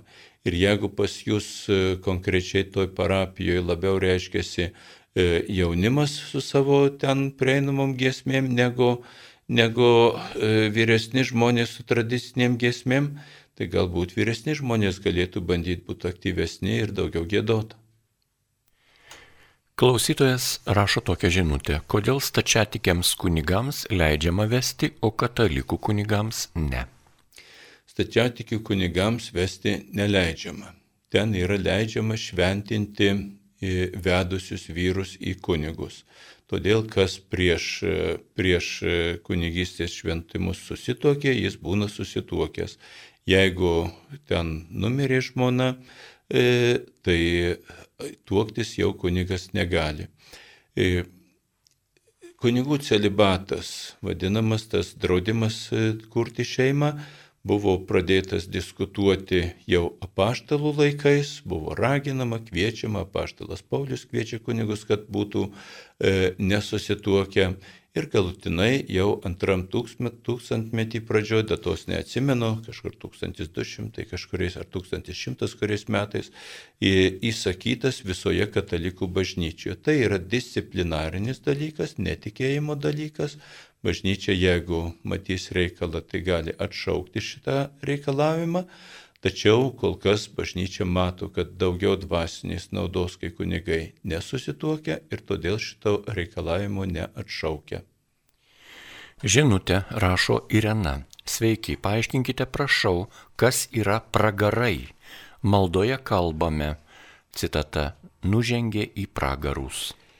E, tie pragarai, į kuriuos nužengė viešpas, tai yra e, ta, kaip sakysim, galima būtų pavadinti tarpinį buveinį. Numatot, mes viską sudaiktinam ir ką mes kalbam, įsivaizduojam, nebūtinai šimtų procentų atitinka. Tai yra atitinka taip, kaip mes bandom suprasti. Tie žmonės, kurie nebuvo pasmerkti į tikrą pragarą, kur niekada Dievo nematys ir gyvens kančioje, jie tarsi gyveno kažkokioj tarpiniai būstiniai. Patekti į dangų Jeigu mes dangų suprantamėm kaip tiesioginį Dievo matymą, tiesioginį, tiesioginį bendravimą su juo, jie negalėjo, kadangi, kadangi e, nebuvo dar Kristaus atpirkimo. Jie gyveno tarsi, nu, tokioj būsenoje, kada Dievą matė nepilnai. Ir tą jų būseną žmonės buvo įvardinę kaip tam tikrą vietą, buveinę ir vadino pragarais. Ne pragaru, bet pragarais. Ir Jėzus ten prisikėlęs, e, kaip yra sakoma, tikėjimo išpažinkė, nužengė į tuos pragarus, juos apš, apšvietė tuos žmonės, aplankė ir nuvedė pas viešpati Dievą. Dar viena žinutė. Garbė Jėzui Kristui. Biblijoje Dievas sudarė tris sandoras - su Nojumi, Abraumu kurių vyrai bus apipjaustyti. Neapipjaustytieji bus atskirti nuo sandoros, jie sulaužė Dievo sandorą. Ir trečia sandora su Moze, kuriuos išvedė iš Egipto vergyjos ir žydams įteikė dešimt Dievo įsakymų. Kur dešimt Dievo įsakymų krikščionims, pagarbiai vygantas. E, su Nojumi Dievas sandoros nesudarė, tik tai davė pažadą, kad niekuomet žmonijos nebaus tvanu. E, su e, pasakojame bibliniam apie Nojų, kiek aš atsimenu, nieko nėra parašyta apie apipjaustimą. E, Jėzus, reiškia, Dievas sudarė sandorą su Abraomu ir tą sandorą dar nekartą patvirtino, tarsi atkartojo. Apsu Abraomu sudarytą sandorą Dievas atnaujino ir pakartojo ir su Izaoku, ir su Jokūbu, ir, ir, ir, ir, su, ir per Mozę, ir panašiai, ir panašiai. Tos sandoros ženklas, ženklas, kad priklausai tai sandorai, tačiau ne jos esmė, tai buvo apipjaustimas. E, Jėzus sudarė naująją sandorą, tai yra antroji sandora ir e, jau be kūniškų e, ženklų dvasinė sandora, nors išorinių ženklų mes turime kaip priklausoma bažnyčia, sakramentų naudojimą ir panašiai ir panašiai, bet tai jau yra dvasinė sandora Ir apaštalas Paulius netgi kalba vienoje vietoje apie dvasinį apipjaustymą. Tai yra ženklas. Iš tikrųjų, koks yra ženklas tas apipjaustymas, tai ženklas, kad priklausai Izraelio tautai, su kuria sudaryta sandora, ar ne? O koks ženklas, kad e, priklausai Kristaus sandorai. Ta ženklą nurodė Kristų. Iš to pažins, kad esate mano mokiniai, jeigu mylėsite vieni kitus. Va šita artimo meilė, krikščioniškas ženklas yra tos sandoros ženklas. Dar viena žinutė garbėjai Jėzui Kristui. Vakar po Evangelijos skaitimo ir pamokslo pamaščiau, kuogi Jėzų laikau aš, pravirkau. Galimos sėkmės garantų, komforto ar ramybės talismanu meilės dėkingumo, dėja tik trupiniai, kaip keisti save ir santyki su Jėzumi. Laikykite Jėzų savo bendraminčiu ir, kar, ir įsigilinkit, kokie yra jo tikslai, kokie yra jo metodai ir stenkitės su juo bendradarbiauti. Tada bus pats tikrasis artumas su Jėzumi. Tokia žinutė. Biblijoje parašyta, jog kekšė tai tik duonos kepalas, o svetima žmona kapo duobė jos meilužiams. Tai prostitutė yra geriau? Klausimas. Nes neužmušta šetoniškų burtų. Nėra čia jokių burtų. Paprasčiausiai, paprasčiausiai e, paleistuvystė, kas įvykdo, jisai, jeigu nesusijęs santokos ryšius su kuo nors, jis įvysto, įvykdo paleistuvystės nuodėmę. Jeigu žmogus yra susituokęs, vyras arba moteris, jisai įvykdo paleistuvystę vieną nuodėmę ir sulaužo savo santokos priesaiką antrą nuodėmę. Jeigu ten dar kažkokiu ryšiu, gali būti dar kitokių nuodėmių. Todėl, reiškia, vedusio žmogaus susituokusio paleistuvystė yra sunkesnė negu nesusituokusio.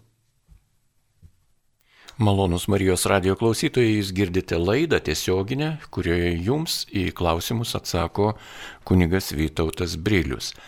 Buvo užduota daug žinučių, kurios na, sudarė vieną grupę žinučių ir jų mes detaliai neskelbėme, nes gauname ir taip labai daug žinučių, į kurias galbūt net nespės kunigas atsakyti. O kalbu apie žinutės, kurios lietė 1,2 procento paskirimo radio tikslu. Ir liko neatsakyta galbūt tiksliau. Taigi noriu priminti, jog deklaruoti šį procentą galite jūs asmeniškai per internetinę bankininkystę, jeigu jūs dirbate darbą. Pensinio amžiaus žmonės to padaryti negali. Bet gali priminti, pavyzdžiui, dirbantiems savo šeimos nariams apie tokią galimybę. Taip pat galima užeiti į Marijos radijos studijas Kaune ir Vilniuje ir paprašyti, kad painformuotų, pamokytų, kaip užpildyti deklaraciją raštu. Šią deklaraciją užpildytą raštu jūs asmeniškai turite išsiųsti į valstybinę mokesčių inspekciją. Marijos radijas šitame procese nedalyvauja, o tik konsultuoja. Ir už jūs to darbo nepadarys. Žinoma, mes labai nuoširdžiai dėkojame už visokią paramą, kurios dėka galime transliuoti Marijos radio bangomis įvairias laidas ir būtent šią laidą. Jūs girdite Marijos radiją.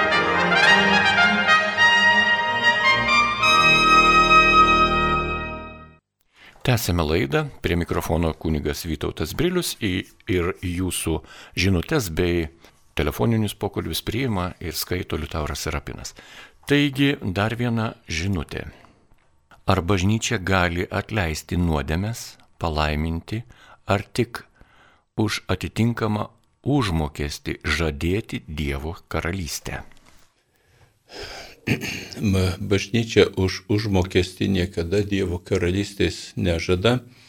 E, kada buvo tokių bandymų, jie buvo griežtai bažnyčios užkirsti, kai tik tai išaiškėdavo, o jų būdavo visada, kada dar apaštalų laikais Simonas Magas bandė už pinigus prekiauti krikščionių malonėmis, konkrečiai stebuklų gale ir buvo žiauriai nubaustas ir todėl prekiavimą bažnyčios malonėmis e, e, vėliau buvo pradėta vadinti Simonija.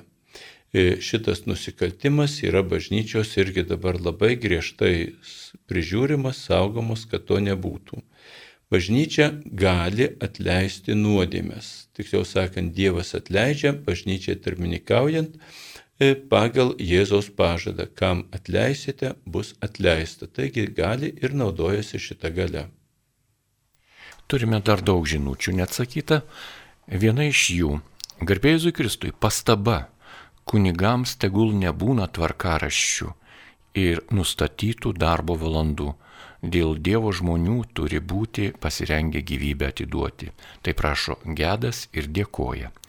Kita žinutė Ką Jūs manote apie e, platinamą kunigų pedofiliją Lenkijoje? Na, čia turbūt kažkaip kitaip turėtų būti parašyta.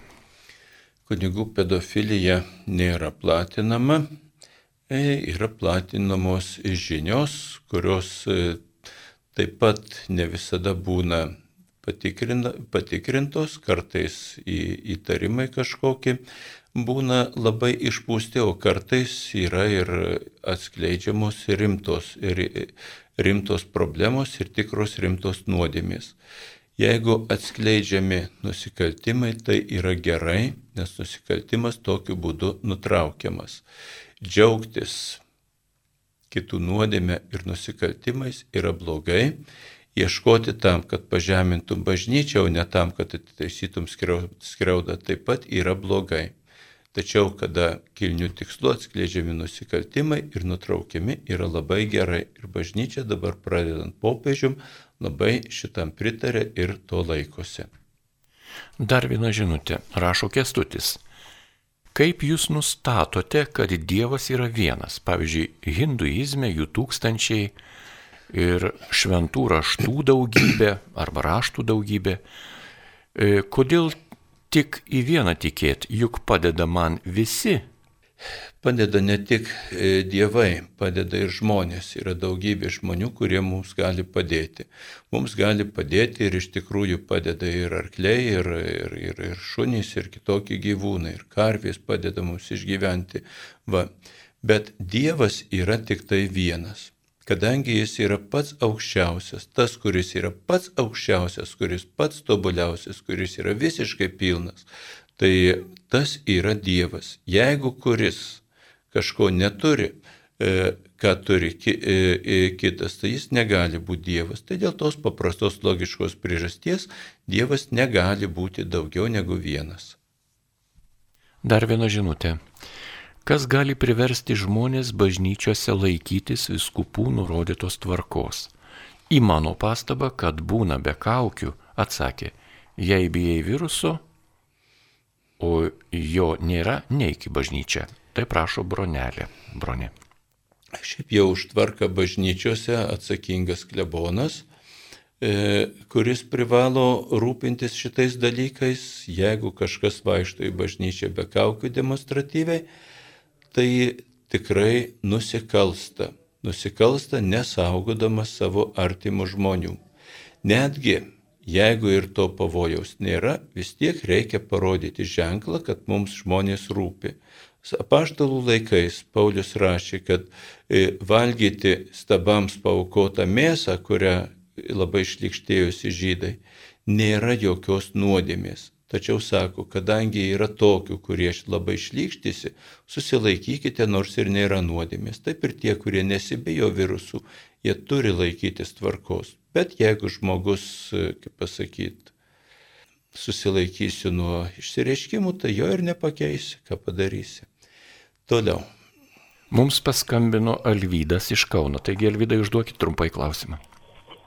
Ar gali jums skambinti abejojantis žmogus? Klausimas būtų toks, jeigu jis yra iš tiesų. Bet bažnyčia va šito klausimo kažkodėl tai visą laiką bijo, kada mes pagal istoriją tą tikėjimą mums atnešė kalavijai. Taip, reiškia, kalbama čia apie krikščionybę. E, ne kalavijai atnešė tikėjimą. Tikėjimą krikščionybę atnešė Jėzus Kristus, atiduodamas savo gyvybę. Žmonės, reiškia, Kristų pamilo. Pamilo Kristų taip ir tą tikėjimą vertino taip, kad tą žinią skleidė net ir tada, kai juos persekiodavo, sodindavo ir taip toliau ir taip toliau. Kvaili žmonės, į puikybės apimti žmonės sugalvojo, kad teisybę galima nešti ir kalavijais. Va.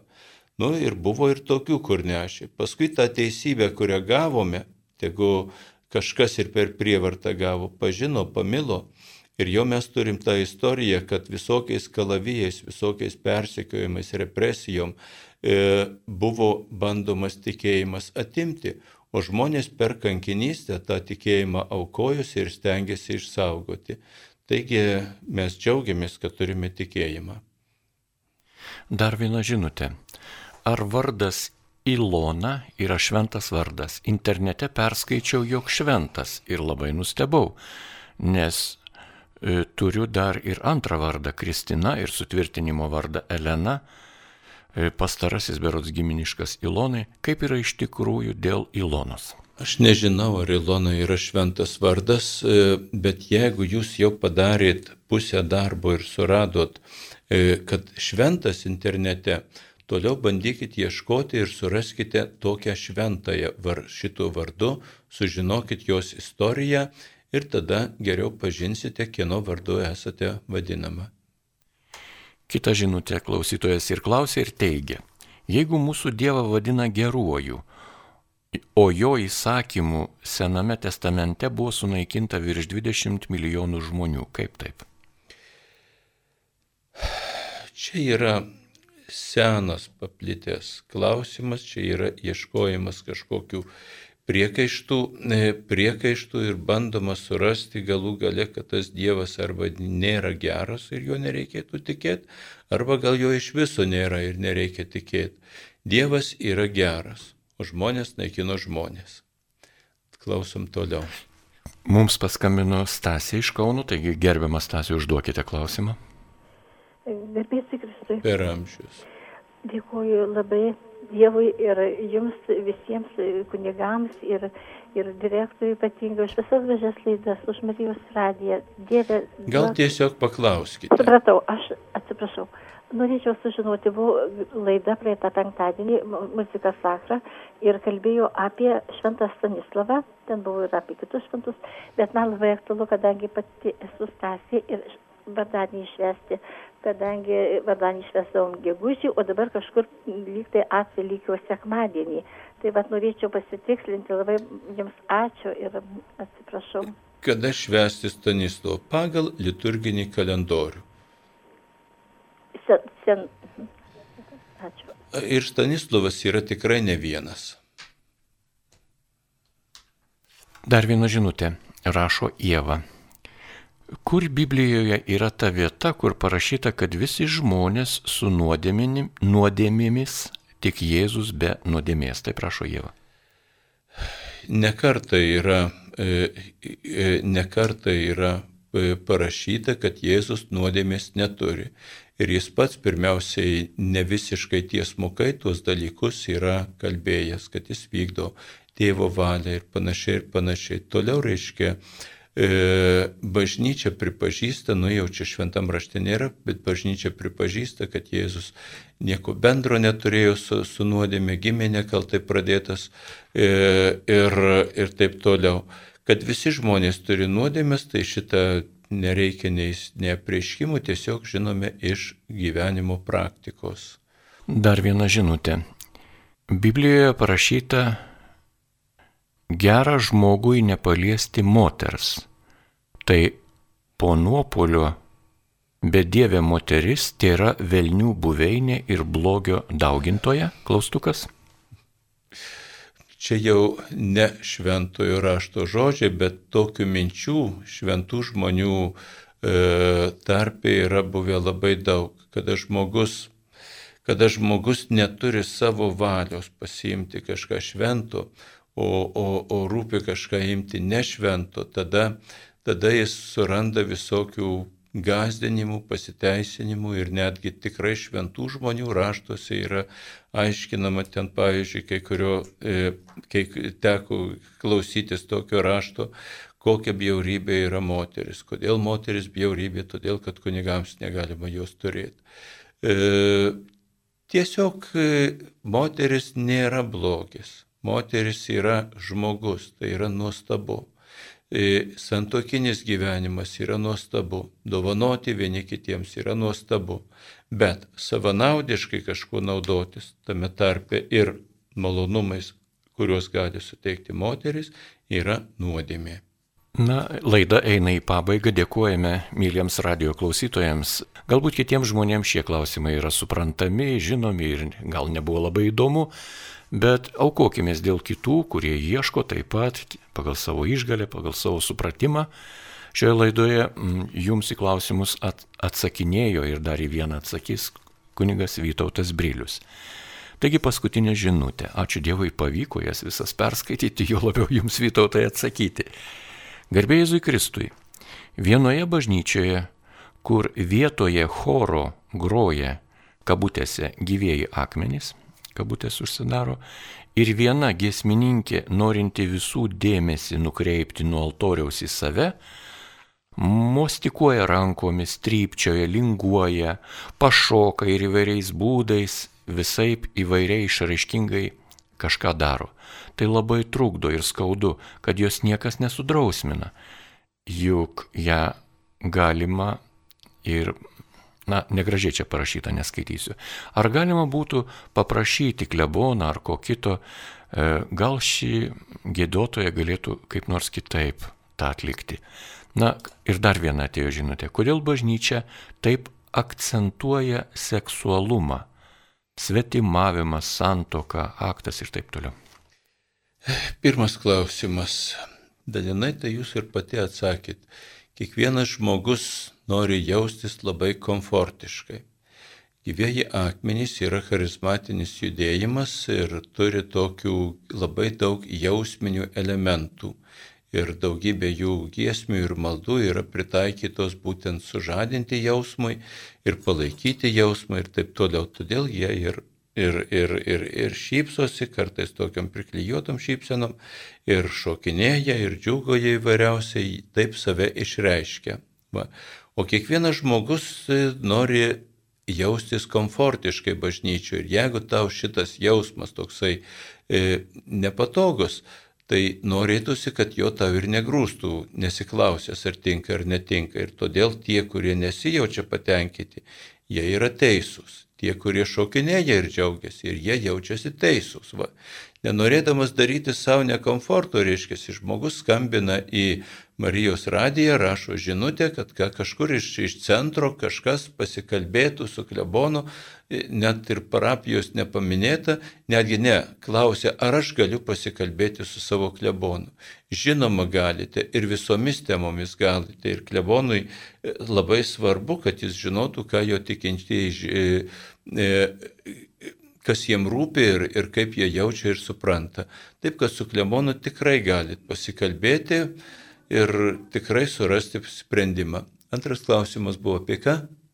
O antras klausimas, kodėl tiek daug seksualumo yra? Ai, kodėl tiek daug seksualumo? Bažnyčia tai nėra apie seksą, bet daugybė žmonių seksas yra labai labai svarbus dalykas. Vienas dalykas tai yra, tai yra pačios prigimties duotas dauginimosi įrankis. Antras dalykas, šitas įrankis surištas su svarbiais, e, su e, malonumais. Trečias dalykas, tai surištas su šeima, tuo tarpu tuo pačiu ir su nuosavybė, ir su, su įvairiausiam teisėm ir panašiai, tai yra labai svarbus dalykas. Ir do, todėl, reiškia, žmonės šituos dalykus sureikšmina, bažnyčia tiek, tiek prieš Kristų žydų tikėjimas, tiek ir, tiek ir dabar bažnyčia atsiliepia ir žmonėm aiškina šituos dalykus. Tikėjimo požiūriu tai nesvarbiausias dalykas, tačiau žmogaus prigimties požiūriu labai svarbus ir tiesiog todėl apie tai daug šnekama. Taigi, ačiū visiems už kantrybę. Ačiū ir Jums, gerbiamas kunigė Vytautai, už išsamius atsakymus ir laidos pabaigai perskaitysiu dar vieną žinutę. Ačiū Dievui, kad kunigai meldžiasi, tai prašo Nina, garbė Jėzui Kristui. Šiandien su Jumis bendravo ir atsakė į Jūsų visus klausimus teologijos teisės mokslų daktaras kunigas Vytautas Brilius, jam talkino Liutauras Serapinas, likite su Marijos radiju.